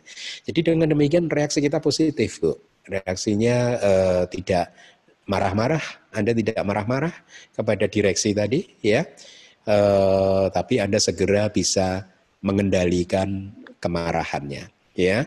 Nah, seperti yang tadi saya sampaikan, saya mengenal Suta ini kalau tidak salah bahkan sejak di Myanmar.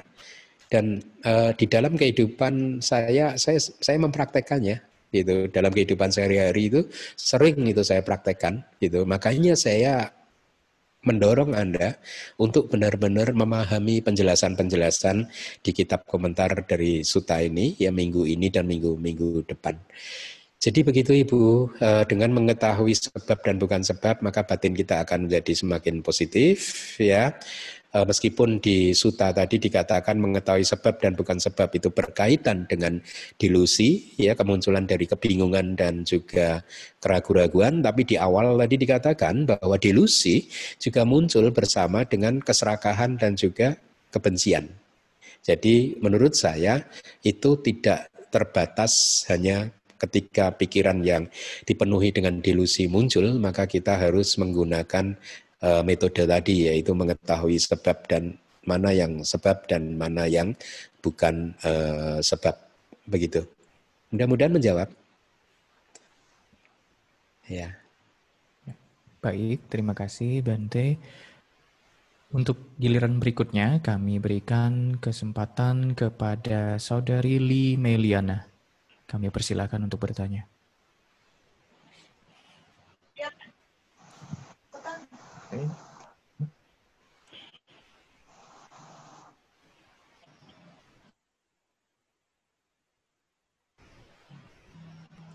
Maaf, suaranya belum terdengar.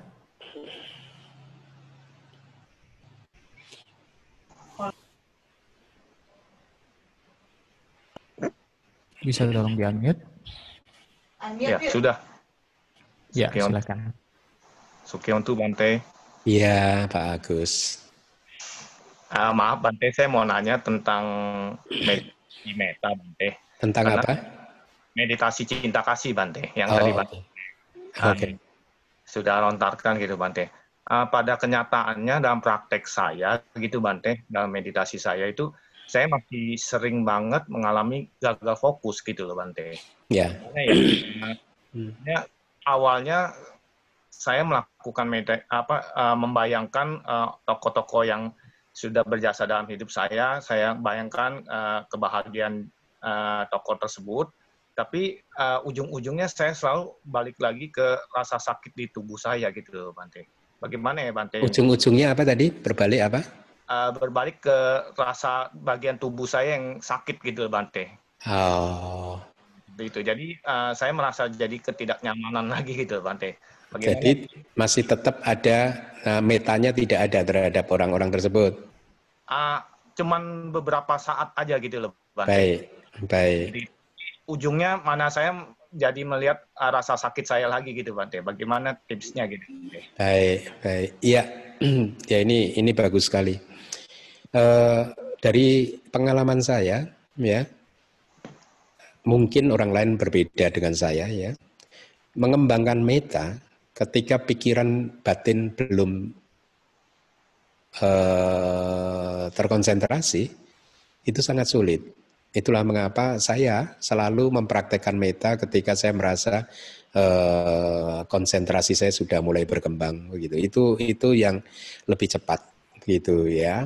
Uh, di dalam kehidupan sehari-hari ketika batin siapa pun itu belum berkembang, konsentrasinya belum berkembang ya, belum stabil, uh, saya rasa akan sulit Eh, mempraktekkan meditasi meta ya. Meditasi meta. Apa itu meditasi meta? Meditasi meta itu adalah pertama kita bisa memanggil memanggil wajah kita sendiri. Itu pertama ketika kita bermeditasi meta dan ketika Anda ingin memancarkan meta kepada diri kita sendiri, Anda bisa panggil wajah Anda sendiri begitu. Kemudian Anda uh, ucapkan segala harapan-harapan uh, meta Anda semoga saya berbahagia bebas dari kesulitan dan lain sebagainya begitu. Anda benar-benar melihat citra dari diri Anda sendiri begitu. Ya itu yang saya maksudkan ya definisi meditasi meta. Dan kemudian ketika sudah uh, perasaan sukacita yang sangat kuat sudah muncul ketika melihat uh, objek uh, diri Anda sendiri tersebut ya, maka Anda rubah citranya menjadi dipanggil misalkan citra dari guru-guru saya yang laki-laki itu saya panggil semua begitu. Dan kalau anda konsentrasinya sudah bagus, anda bisa menangkap citra dari guru yang anda panggil tadi sebagai objek meta Anda dan seterusnya sampai ke orang yang biasa-biasa saja mungkin satpam di kompleks perumahan Anda itu Anda panggil dan Anda pancarkan cinta kasih kepada orang tersebut. Semoga Anda bahagia, bebas dari kesulitan, bebas dari segala bentuk penyakit, baik itu sakit uh, jasmani maupun sakit mental dan seterusnya uh, batin ya, dan seterusnya dan seterusnya. Sampai yang terakhir adalah orang yang saya Anda benci gitu ya. Dan Anda akan melihat ketika citra dari orang yang Anda benci itu muncul di mental Anda, bayangan mental Anda, tidak tidak ada lagi kemarahan pada orang tersebut. Dan Anda benar-benar sangat positif terhadap orang yang dibenci tersebut itu ya. Itu meditasi meta. Seharusnya seperti itu itu ya. Dan setelah itu akan dikembangkan meta itu ke seluruh penjuru ya. Ke kanan kiri depan belakang atas bawah terus kemudian ke uh, seluruh wihara ini dan seterusnya dan seterusnya gitu. Nah, tanpa konsentrasi yang sudah dikembangkan dengan baik, uh, sulit sekali untuk bisa mendapatkan pengalaman yang saya sampaikan tadi. Jadi oleh karena itulah, uh, lalu bagaimana dong Bante kalau kita ingin supaya batinnya ini bersih? Ada banyak strategi sebenarnya kalau hanya untuk uh, menghancurkan kebencian itu banyak strateginya gitu ya. Kalau itu berkaitan dengan misalkan orang satu rumah dengan Anda, kalau Anda mau marah dengan orang satu rumah, dulu inget nggak waktu ceramah di PS itu saya sampaikan itu, kalau mau marah ya segera ambil air dan berkumur gitu. Airnya ditahan di mulut, hmm, ditahan terus gitu. Dijamin Anda nggak akan marah-marah gitu. Karena kalau Anda marah, airnya keluar semua. Iya. Atau dengan berbagai cara, dengan mengembangkan kebijaksanaan begitu ya. Seperti tadi misalkan bahwa uh, uh, katakanlah ada tadi direktur yang merugikan itu semua dengan analisa-analisa seperti tadi sehingga akhirnya kan nggak ada kemarahan yang muncul bukan? Ya. Jadi uh, di dalam kehidupan sehari-hari Anda bisa menggunakan kebijaksanaan yang seperti itu. Misalkan dengan fokus kepada dia dan kemudian uh, berpikir bahwa dia pun adalah orang yang sedang mencari kebahagiaan gitu. Dia pun adalah orang yang sedang uh, berjuang untuk bisa menjadi orang yang baik dan damai dan bahagia. Dia adalah orang yang tidak ingin mendapat tekanan, penindasan, kemarahan dari siapa pun juga. Ya, jadi dengan memikirkan seperti itu, maka uh, cepat atau lambat compassion bukan meta belas kasih kita bisa muncul juga ya rasa kasihan kita kepada dia juga bisa muncul gitu bahwa dia adalah manusia yang juga mempunyai kehidupan punya kehidupan yang baik. Mungkin cara-caranya dia kadang itu tidak sesuai dengan apa yang saya inginkan, tapi saya harus positif saja bahwa dia sesungguhnya adalah manusia yang juga berhak untuk mendapatkan kedamaian dan kebahagiaan dia adalah manusia yang seharusnya tidak kita bully dan lain sebagainya begitu. Jadi eh, dengan eh, strategi-strategi seperti itu maka kemarahan, kebencian terhadap orang eh, lain itu bisa dihindarkan. Terus terang saya dulu mempraktekkan meta dengan metode yang uh, konvensional dengan mengucapkan kata-kata uh, uh, meta tersebut dan diulang berkali-kali dan saya merasakan hasilnya tidak seefektif ketika uh, saya memakai cara yang tadi yang sudah saya sebutkan gitu. Jadi saya rasa mungkin itu berlaku untuk semua orang saya pikir sih ya. Akan sulit mempraktekkan meta dalam keadaan batin yang belum dikembangkan dengan uh, baik begitu ya. Anda tidak akan akan sulit untuk merasakan tes dari meta. Tes dari meta itu sangat sangat apa? Sangat luhur, sangat sangat mulia. Rasa dari meta itu sangat mulia. Karena benar-benar kita itu bisa menjadi ketika uh, meta itu sudah berkembang, kita itu menjadi pribadi yang sangat positif gitu. Tidak ada objek di muka bumi ini yang bisa memunculkan kemarahan kita. Apa pun objek yang diambil oleh pikiran kita yang ada hanyalah keteduhan begitu. Ya, itu sangat luar biasa rasa dari meta itu sangat luar biasa itu ya. Benar eh, kebahagiaan atau sukacitanya itu sangat kuat sekali, sangat kuat sekali. Sayangnya tidak bertahan lama. Seandainya meditasi meta itu rasa meta itu tadi bisa bertahan seumur hidup itu alangkah indahnya kehidupan ini gitu. Sayangnya tidak bertahan lama, tergantung kekuatan dari konsentrasi kita gitu. Kalau konsentrasi Anda baik maka bisa bertahan selama berjam-jam gitu, tapi kalau tidak baik setelah keluar dari meditasi mungkin satu jam setelah itu lenyap batinnya kotor lagi itu kira-kira Pak Agus mudah-mudahan membantu.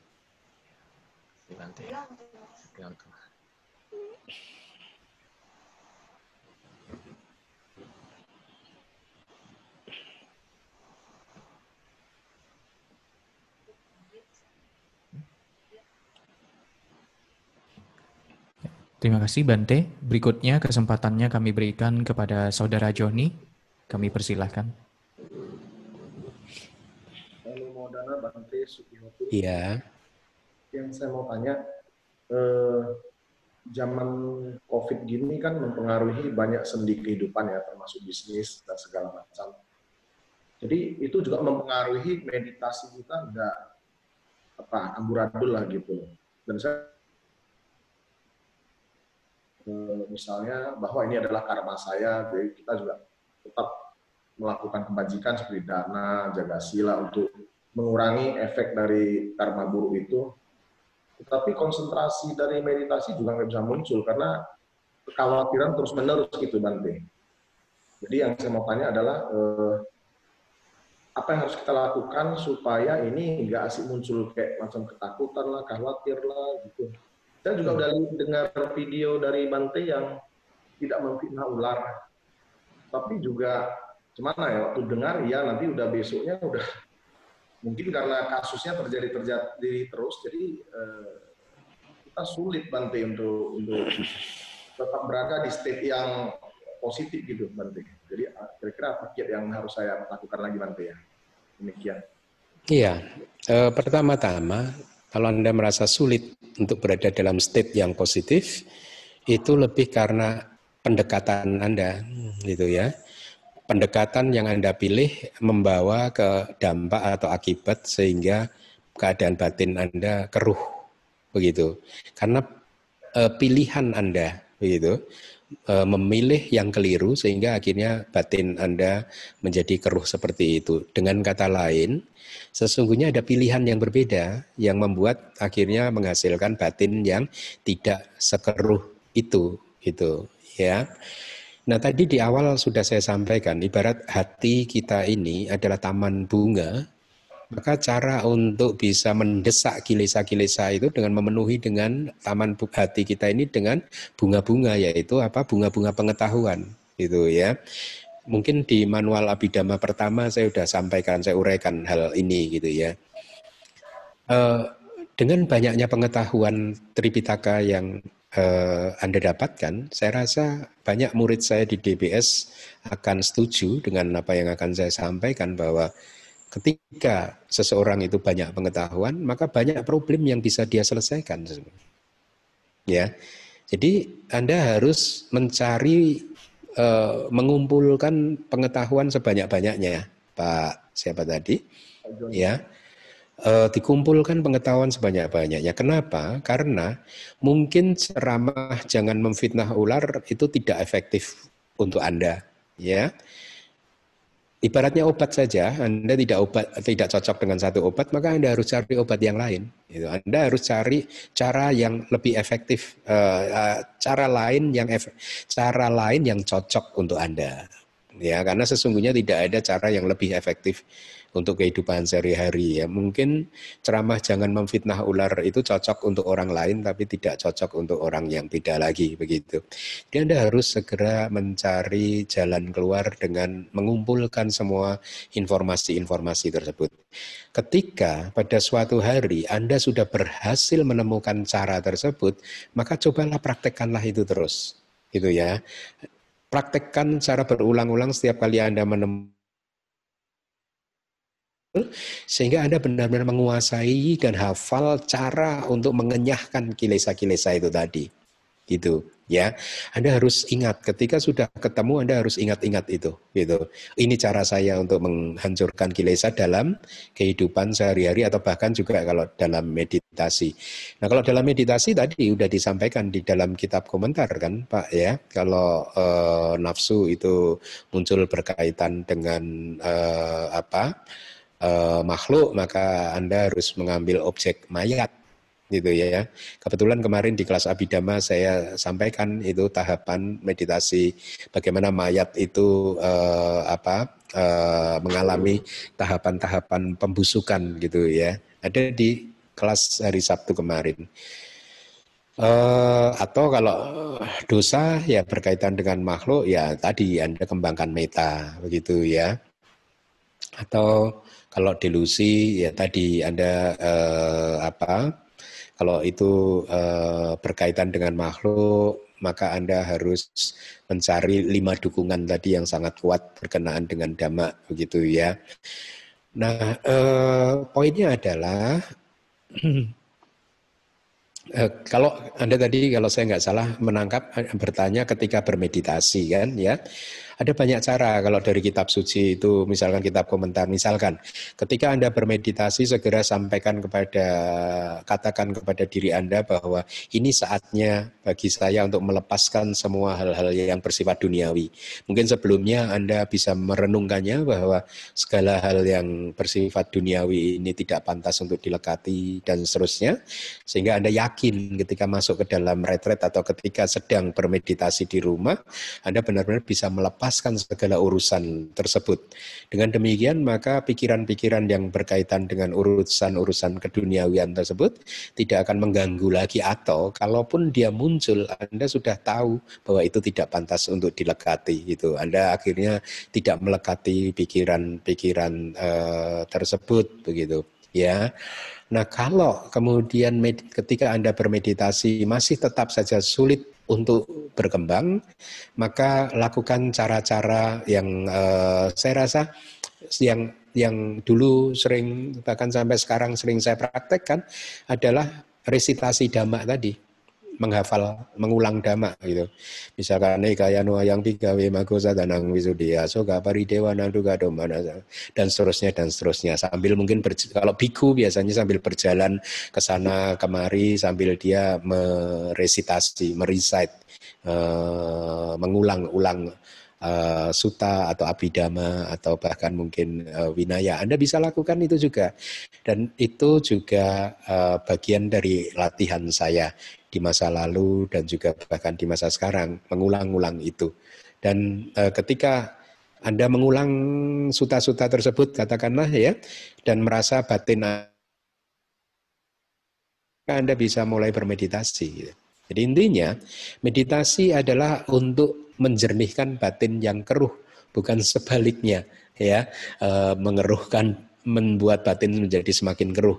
Jadi kalau membuat batin menjadi semakin keruh, maka Anda harus segera gunakan berbagai cara e, seperti yang sudah saya sebutkan tadi, supaya batin Anda menjadi tenang dan kemudian Anda bisa bermeditasi dengan tenang. Ada banyak cara, Pak. Ada banyak cara. Dan ketika Anda sudah menemukan satu cara, maka praktekkanlah secara terus-menerus, kuasailah strategi tersebut, sehingga ketika kilesa-kilesa muncul, Anda segera bisa mengenyahkannya tanpa harus membuat Anda merugikan diri Anda berkepanjangan atau bahkan juga merugikan orang lain. Demikian, mudah-mudahan membantu. Berarti ini salah satu halangan karma buruk bagi kita untuk melatih diri ya berarti ya? Halangan apa Pak? Halangan karma buruk halangan karma buruk uh, belum hmm, maksud anda karma buruk masa lalu? Uh, sehingga menghalangi uh, pelatihan diri kita. Bisa jadi bisa jadi dari karma buruk masa lalu ya bisa jadi menghalangi anda. Bisa jadi juga dari uh, attitude anda sikap pilihan anda di masa sekarang. Begitu ya. Kalau di DBS itu saya sering memberi contoh begini Pak. Biasanya umat itu kalau makan pagi, makan siang banyak umat datang berdana begitu ya. Jadi saya katakan begini untuk membedakan karma masa lalu dan karma saat ini gitu ya.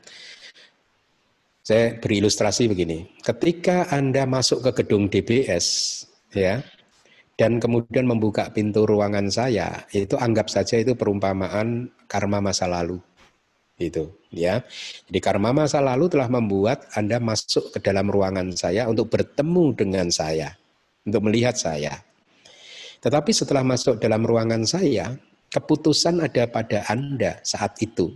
Anda mau duduk di sebelah kanan saya, sebelah kiri saya, di depan yang agak jauh dari saya, atau di mana itu adalah tidak ada sebenarnya uh, buk, tidak dikendalikan oleh karma masa lalu memang berhubungan dengan karma masa lalu, artinya karma masa lalu telah membuat umat tersebut masuk ke ruangan saya, tapi dari karma masa lalu itu dia sebenarnya terbebas dari karma masa lalu. Dia bisa membebaskan diri dari uh, tim karma penghalang dari masa lalu, ya, karena dia bebas menil, memilih tempat mau duduk di sebelah kiri, kanan, depan atau di mana pun dia.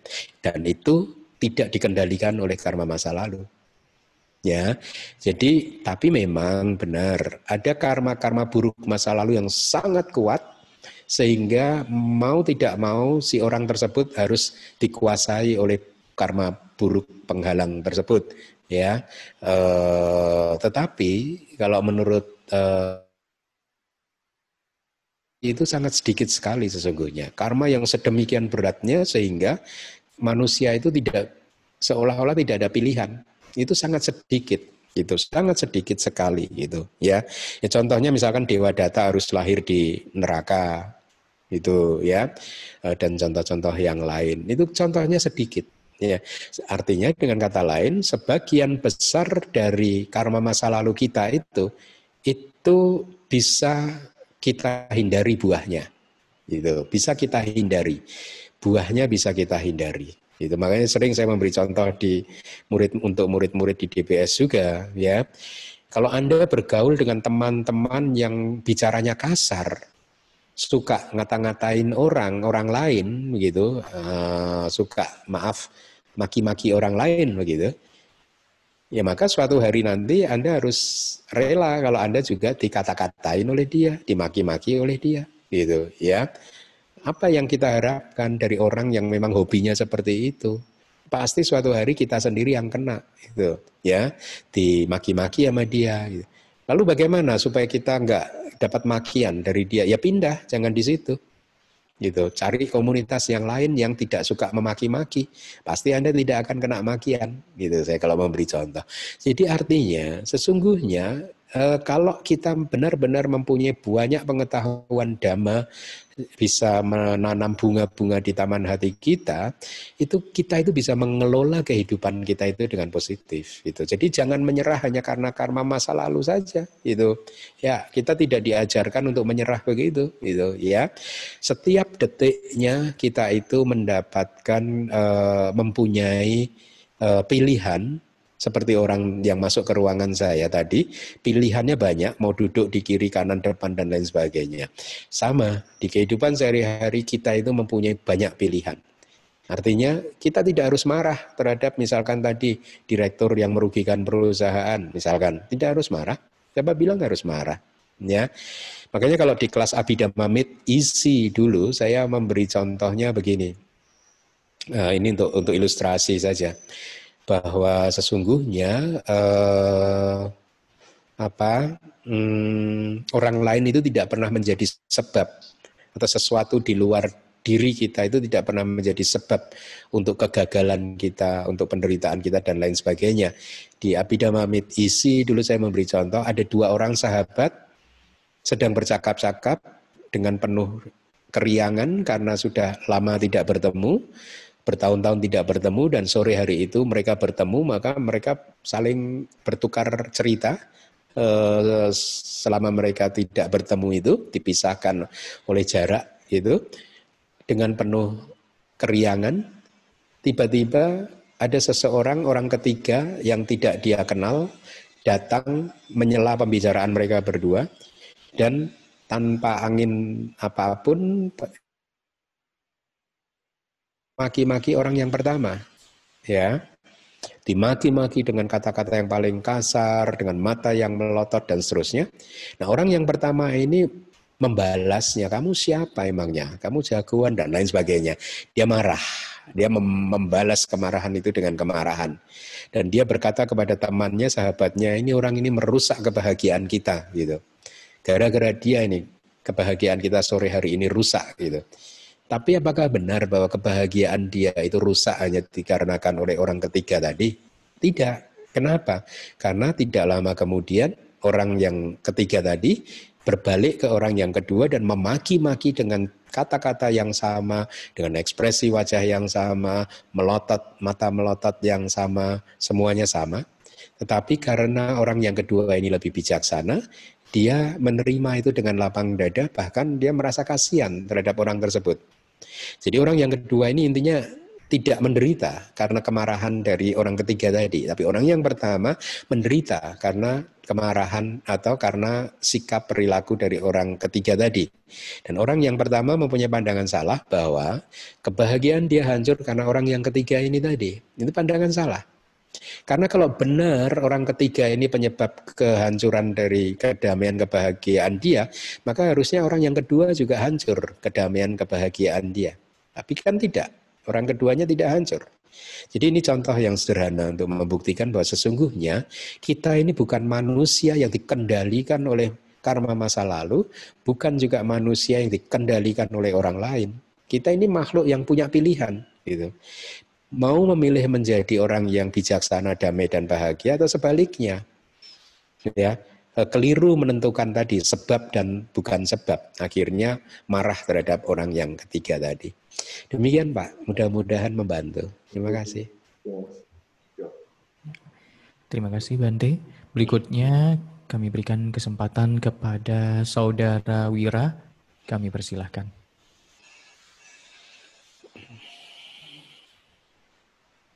Oke. Kami lanjutkan ke penanya berikutnya. Ke Saudara Suprianto. Kami persilahkan.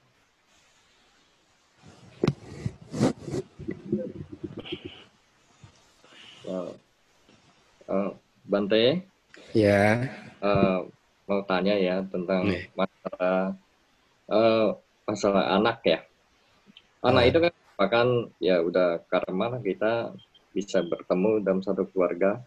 Tapi ya masalah uh, cara mendidik anak itu yang tepat tuh gimana? Kalau anak itu misalnya uh, apa yang kita inginkan sama dia kan beda ya. Mm -hmm. uh, kadang-kadang dia misalnya malas belajar, apakah kita dengan uh, sangat marah suruh, uh, suruh dia belajar atau nasihati dengan tenang? Apakah dia mau dengar? Uh, itu kan uh, itu karmanya gimana? Itu kan karma dia masa lalu dia udah di sini. Dan karma masa depan kan tergantung didikan kita kan? Kita mendidik dia sampai di mana itu kan nanti itu karma dia yang akan datang kan dia akan menjadi anak yang baik, anak yang uh, anak yang berhasil itu kan uh, itu merupakan ada nggak andil karma kita terhadap dia gitu. Ya. Terima. Terima kasih. Maaf. Tahu nggak uh, para upasaka upasika sekalian? Salah satu salah satu ya Salah satu tujuan saya menjadi biku itu adalah supaya saya nggak pusing mikirin anak, mikirin istri, mikirin rumah itu. Tapi ternyata tujuan saya itu tidak tercapai. Karena ketika menjadi biku sering kali saya disibukkan dengan mikirin anak, mikirin istri, malah banyak anak, banyak istri malah jadi biku itu. Maksudnya anaknya orang lain dan istrinya orang lain. Jadi tujuan awal saya itu tidak tidak terpenuhi sebenarnya dengan menjadi biku gitu. Karena ya itu tadi salah satunya pertanyaan ini. Saya yang tadinya nggak ingin pusing mikirin anak eh anda membawa masalah itu ke saya. Juks pak. Juks pak. Juks nggak apa-apa sih nggak apa-apa. Begini pak. Uh, uh, begini. Anak itu kan kadang ya namanya anak kecil kan ya. dia jarak pandangnya pendek. Ya. Jarak pandangnya pendek dan orang tua pasti mempunyai jarak pandang yang lebih lebar, lebih panjang, lebih luas dibandingkan sang anak. Ya, istilah umumnya itu kan orang tua itu lebih banyak makan asam garam dibandingkan anak itu ya. Nah itulah yang harus di-sharingkan kepada anak sebenarnya.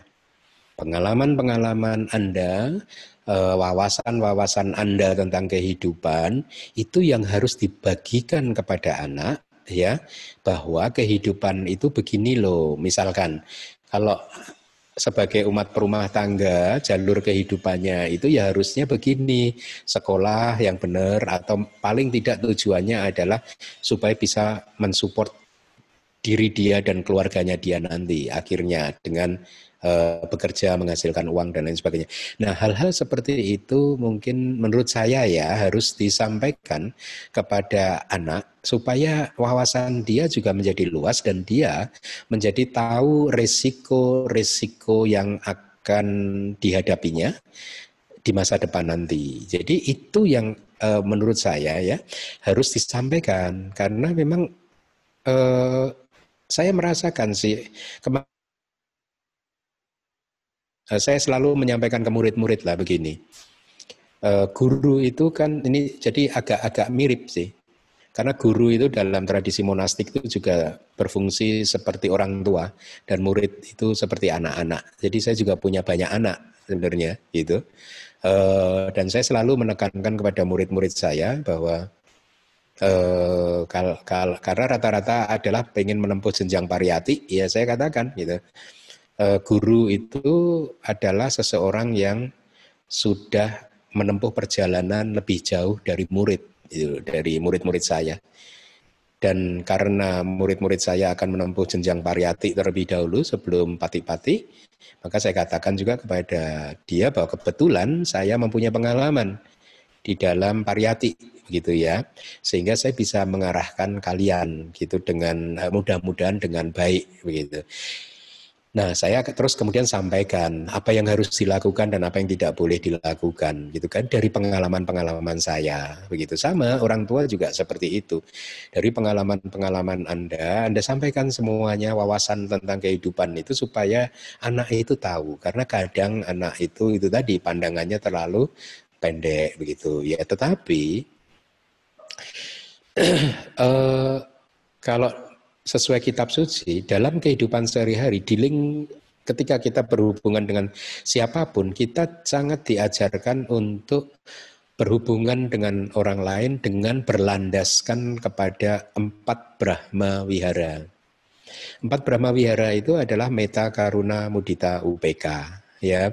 Jadi artinya ketika Anda menyampaikan pengalaman-pengalaman Anda, wawasan-wawasan Anda tadi kepada anak Anda, Anda harus sampaikannya dengan penuh cinta kasih, dengan penuh belas kasih ya. Dan juga kalau dia berhasil Anda harus mengapresiasinya. Minimal mengapresiasi mengapresiasi di dalam batin pikiran Anda sendiri. Orang tua kan seperti itu ya mungkin ya. Kalau melihat kayak saya saja mempunyai murid-murid itu. Kalau murid saya itu ada yang uh, sudah berhasil begitu saya meskipun tidak saya ekspresikan saya merasa bahagia. Itu mudita ya ikut bersuka cita gitu atas keberhasilan dia begitu. Nah, tapi walaupun demikian kalau seandainya setelah Anda menasehati dengan berbagai cara kok dia tidak mau menurut atau dia tidak menunjukkan hasil yang uh, Anda harapkan, maka Brahma Wihara yang keempat yang harus Anda praktekkan, UPK. UPK itu bukan UPK itu bukan batin apa perasaan yang tenang tetapi sikap batin juga yang tenang seimbang. Dia tidak jatuh ke ekstrem kiri dan tidak jatuh ke ekstrem kanan. Artinya tidak jatuh ke ekstrem yang menyukai, melekati atau tidak jatuh dalam ekstrem yang lain yaitu membencinya gitu. Bagaimana cara mengembangkan UPK dengan merenungkan bahwa uh, daya ada dan seterusnya gitu. Bahwa semua makhluk adalah pemilik dari karmanya sendiri. Anak ini pewaris dari karmanya sendiri lahir dari karmanya sendiri dan seterusnya. Walaupun saya sudah memberi nasihat berulang kali tetapi Eh, dengan berbagai cara, semua cara sudah eh, saya sampaikan, tetapi tetap saja hasilnya tidak sesuai dengan yang saya inginkan. Ya memang semua makhluk itu mempunyai timbunan karmanya sendiri-sendiri. Jadi dengan demikian, batin Bapak juga akan tetap positif, Pak. Ya, eh, jangan memaksa mawar jadi bunga melati Anak itu sudah membawa juga bibit-bibitnya sendiri-sendiri. Setiap manusia itu adalah bibit yang spesifik, ya. E, kalau anak Anda itu membawa bibit bunga melati, bunga anggrek katakanlah, Anda menginginkan dia untuk menjadi bunga melati, maka dia akan menderita. Ya, lalu bagaimana Bante? Kan masa depan dia sebenarnya memang tergantung karma dia. Lalu karma kita ini bagaimana?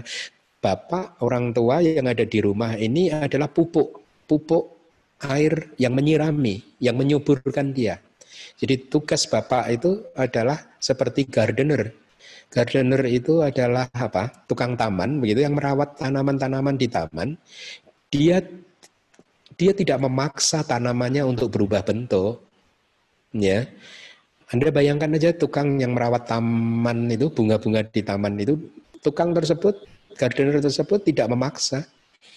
Dia hanya ingin memastikan, memastikan yang bunga mawar tumbuh menjadi bunga mawar yang baik, bunga melati tumbuh jadi bunga melati yang baik, bunga anggrek tumbuh jadi bunga anggrek yang baik dengan cara apa?